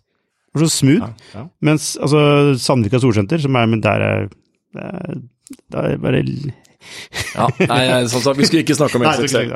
ok, men, men, eh, men, ok, retail. Nei, bare Poenget mitt er bare sånn, sånn helhet. at Du må sånn få inntrykk. Du må, sånn, du må, ha en feeling når du kommer inn et sted. Du, ja, ja. Må, du må, møte forventning på en eller annen måte. Altså, En god butikksjef Nå har jeg Ikke mm. snakk om det, for det, det, det, det, var ikke til de butikkene du nevnte nå, men mer sånn generelt i Nille og Gjerbrod-pris. Til og med Nille tror jeg vi til og med gjorde en undersøkelse hvor vi byttet en eh, butikk som hadde dårlig ledelse, med, og fikk, tok en av våre beste butikksjefer. Gjorde ingen andre endringer enn å bytte butikksjef. Jeg tror salget økte med 30 eller noe sånt i løpet av et år. Så det er klart det er veldig lønnsomt med, med dyktige folk. Mm. Eh, og Det er derfor jeg er så opptatt av at ledelse ikke sant? det er ikke intellektuelt sett nødvendigvis veldig komplisert. Men det er så utrolig viktig å få med deg de rette folka, og at du har et eh, rykte da, som gjør at de dyktige folkene har lyst til å jobbe med deg. Mm. Eh, for Får du det, altså, så blir det fantastisk bra. Og motsatt så hjelper det nesten ikke hvor god strategi du har, hvis ikke du har de rette folka som klarer å gjennomføre. Og det, er, og det, der høres så enkelt og banalt ut, men jeg skjønner veldig godt hva du mener. Eh, og Andreas Thorsheim i Ottovo han sa jo også liksom, hvis man bare er verdens beste på å rekruttere, så, så, trenger du ikke å tenke på andre ting. Nei, det er, det er sagt, altså. Og, og, og, jeg har lært iallfall sånn reaters hvor det er masse mennesker involvert, så er det jo ekstremt viktig. Så Det er derfor jeg, liksom, gjennomføring er viktigere enn strategi. Mm. Og det å gjøre ting er viktigere enn å tenke og planlegge og snakke om ting. Så nei, jeg tror eh, ledelse er undervurdert, da, på en måte. og jo større selskapene er, jo større blir ikke ofte konsekvensen av det. Mm. Ok, men retail nå. Mm. Altså med, des, med, bærekraft og uh, perspektiver og ja, alt som skjer nå. Altså, hvordan, hvordan ser retail ut fremover? Nei, du kan si Korte bildet er jo at det er, det er jo litt sånn en perfect storm akkurat nå, mm. som, eh, som, har truffet noen segmenter, men egentlig, egentlig overraskende Altså ikke så hardt enda, de fleste, meste av retail. Så hvis du ser på de som vi kaller kapitalvarer, altså de bransjer hvor man selger dyrere varer, sånn som elektronikk, møbler, sport osv., har jo nå i ni måneder vært kjempekrevende, fordi folk har rett og slett stoppet opp og altså betydelig redusert forbruk av de varene. Mens øvrig retail har egentlig ikke merket noen stor salgsnedgang ennå. Eh, der er det mer marginpresset som, som, liksom er i ferd med å Som sliter på veldig mange kjeder. Mm. Jeg tror det korte bildet er at det kommer til å bli verre. Eh, at liksom effekten av de der økonomiske utviklingene som nå skjer, med renteoppgang og kostnadsøkninger kommer, altså, vi, vi, har snakket om det så lenge at vi er lei det, men effekten begynner faktisk å komme først nå. Så, så, jeg tror 2023 først og fremst blir et ekstremt krevende år for uh, retail. Ja. Eh, og da er det ikke noe annet å gjøre samtidig. da, når, når, du har sånne Jeg har vært med på det før, både i 2008, 2009 og litt i 2014-2015. Så er det klart at det, det, handler jo da om å sette, legge fokus et litt annet sted enn man gjorde når, når det var medvind og, og, og, og topplinja vokste så det gren etter. Så det handler jo om å klare å sette fokus på de mest kritiske tingene da, og, og gjøre noe med det. Kostnader, varelager, marginer osv. Så, mm. Eh, så jeg tror det, det, det, de, de, dyktige kommer til å komme gjennom dette er styrka fordi de har klart å sette fokus på det. Altså never waste a good crisis, som de sier. Det er liksom det mm. korte bildet. Mm. Det lange bildet det er jo at eh, det er to store trender som jeg mener kommer til å eh, dramatisk eh, forandre retail på sånn tiårsperspektiv. Det ene er for, altså den fortsatt e-com slash omni-veksten. Mm. Det er mange mange segmenter hvor det fortsatt er stort potensial for at det skal fortsette å vokse med netthandel.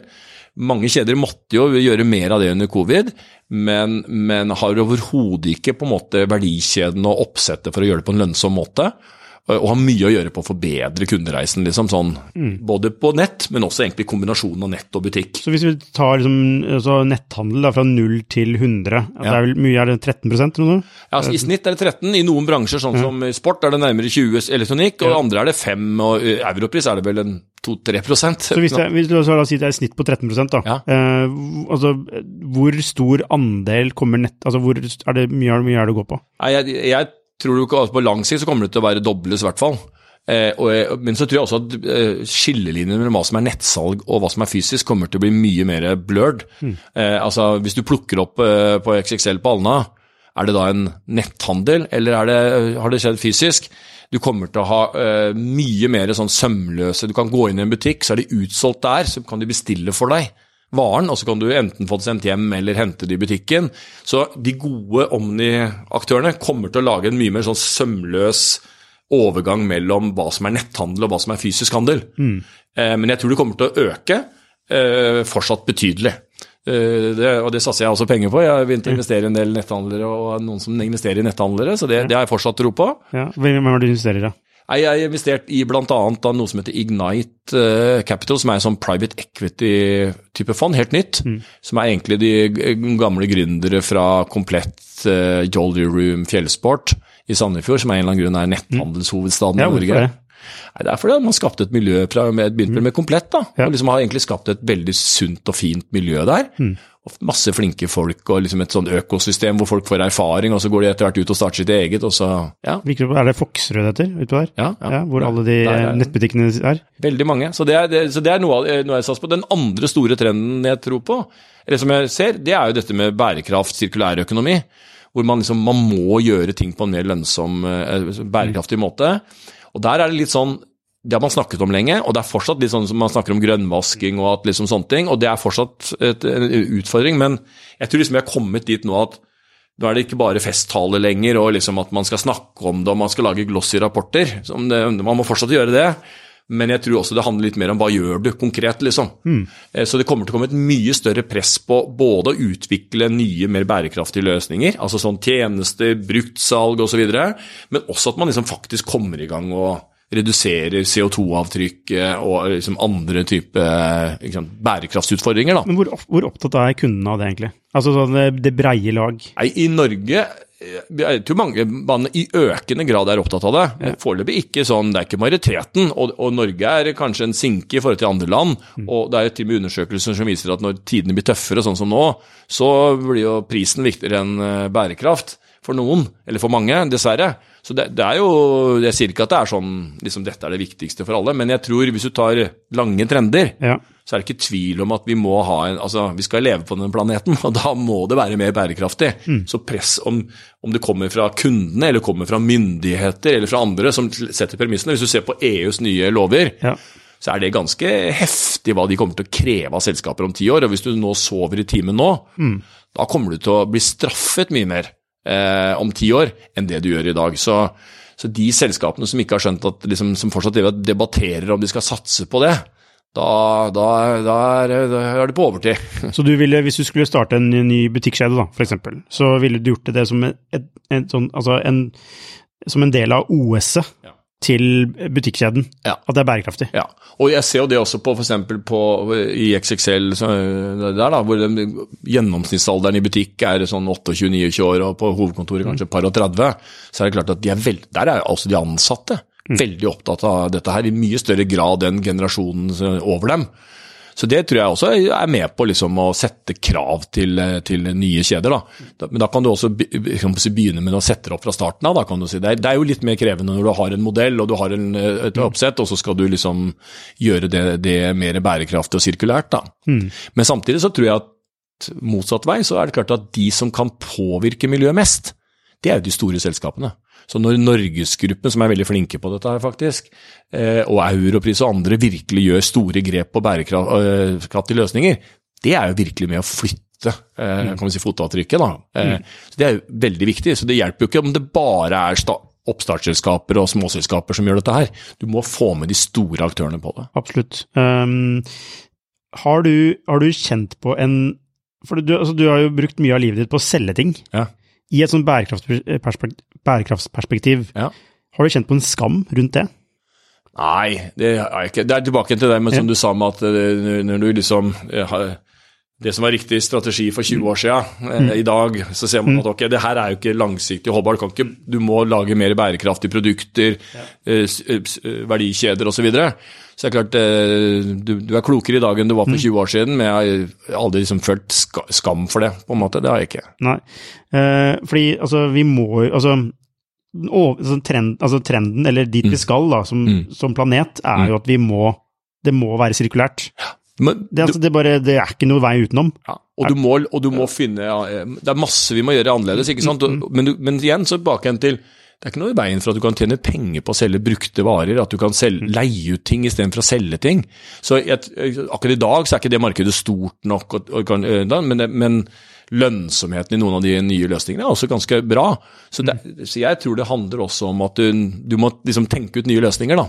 Mm. Som ikke bare er å, å selge en vare, og så liksom at kunden kjøper den, og så etter hvert kaster den og, og kommer tilbake og kjøper en ny. Ja, fordi at altså, en ting er at du kan kjøpe brukte ting, en annen ting er at når, når produktet designes, så har, er det designet også en vei videre i, en, i et økosystem. Ja. Og du kan si det er litt spennende, for eksempel. For, av og til så sier man liksom at ja, men det der er jo sånn premium. ikke sant? Det er bare de som er dyre som kan gjøre det. Nei.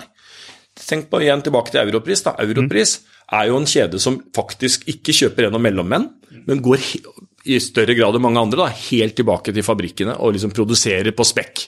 Det er klart, Da kan man, i en helt annen grad enn mange andre, kan man påvirke hvordan man liksom lager sirkulære produkter, mer bærekraftige produkter, helt fra starten av. Så det er ikke nødvendigvis sånn at det er bare dette er noe som liksom, du skal begynne høyt oppi der hvor det er dyrt og, og vanskelig. Det her er også liksom faktisk for de som driver sant, i mer lavprissegmentet også, men som da har en unik kompetanse på det at de har egentlig kanalen direkte tilbake til fabrikken, og kan påvirke produktet på en helt annen måte enn de som kjøper gjennom merkevarer gjennom mellommenn. da. Hva tenker du om sånn som Du kjenner til Northern Playground? Ja, Eh, jo Egil Tobiassen, Mm. han eh, lager jo klær, Ja. eh, ull, eh, primært ull, og det skal på en måte være slik at den skal kunne vare livet ut. Og hvis den blir ødelagt, så blir den reparert. Ja.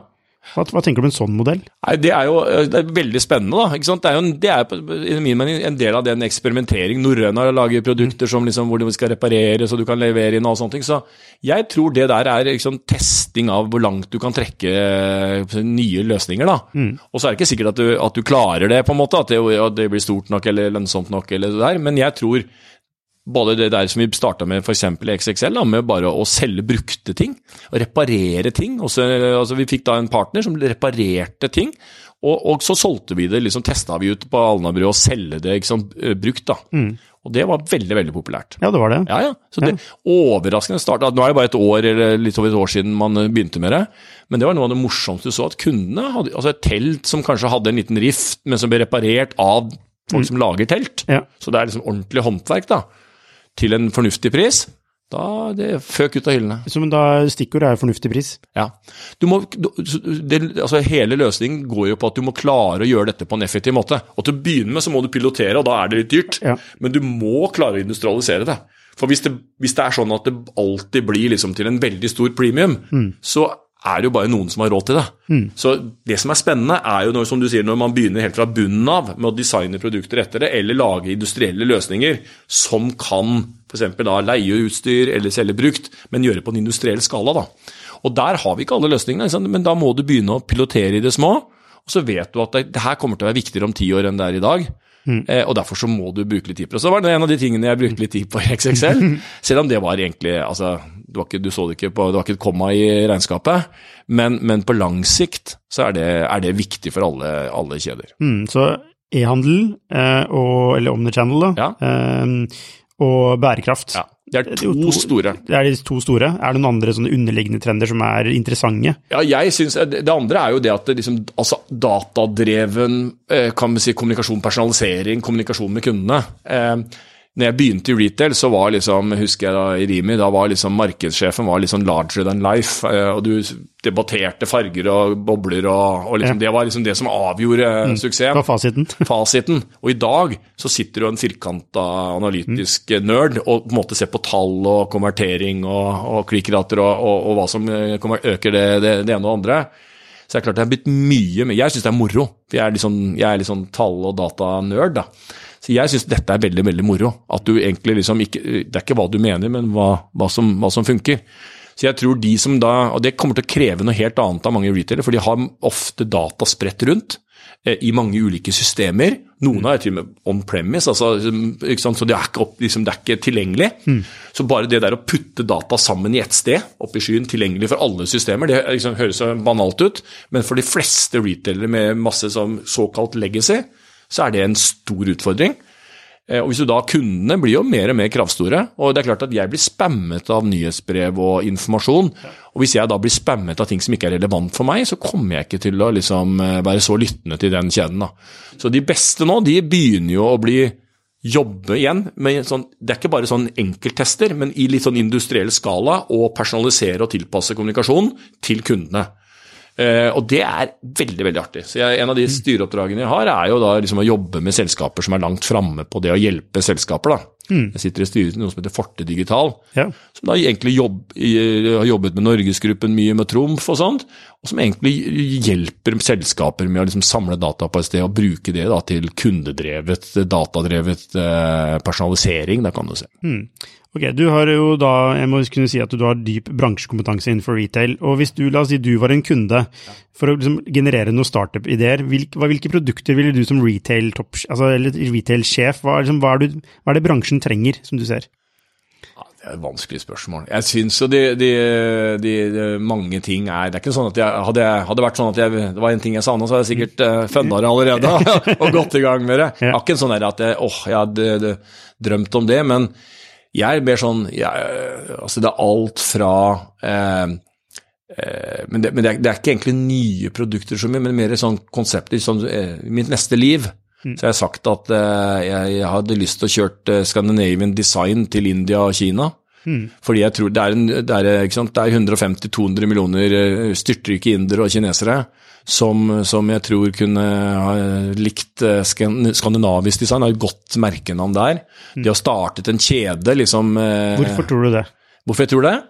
For jeg, jeg, tror at, eh, at eh, de prinsippene for skandinavisk design og den stilen, da, på en måte, den har et eh, universelt preg og har en eh, utover bare i Norden. Eh, og at eh, med velstand så tror jeg en del også det er status, eh, både status og at man liksom liker det, da, men har råd til det.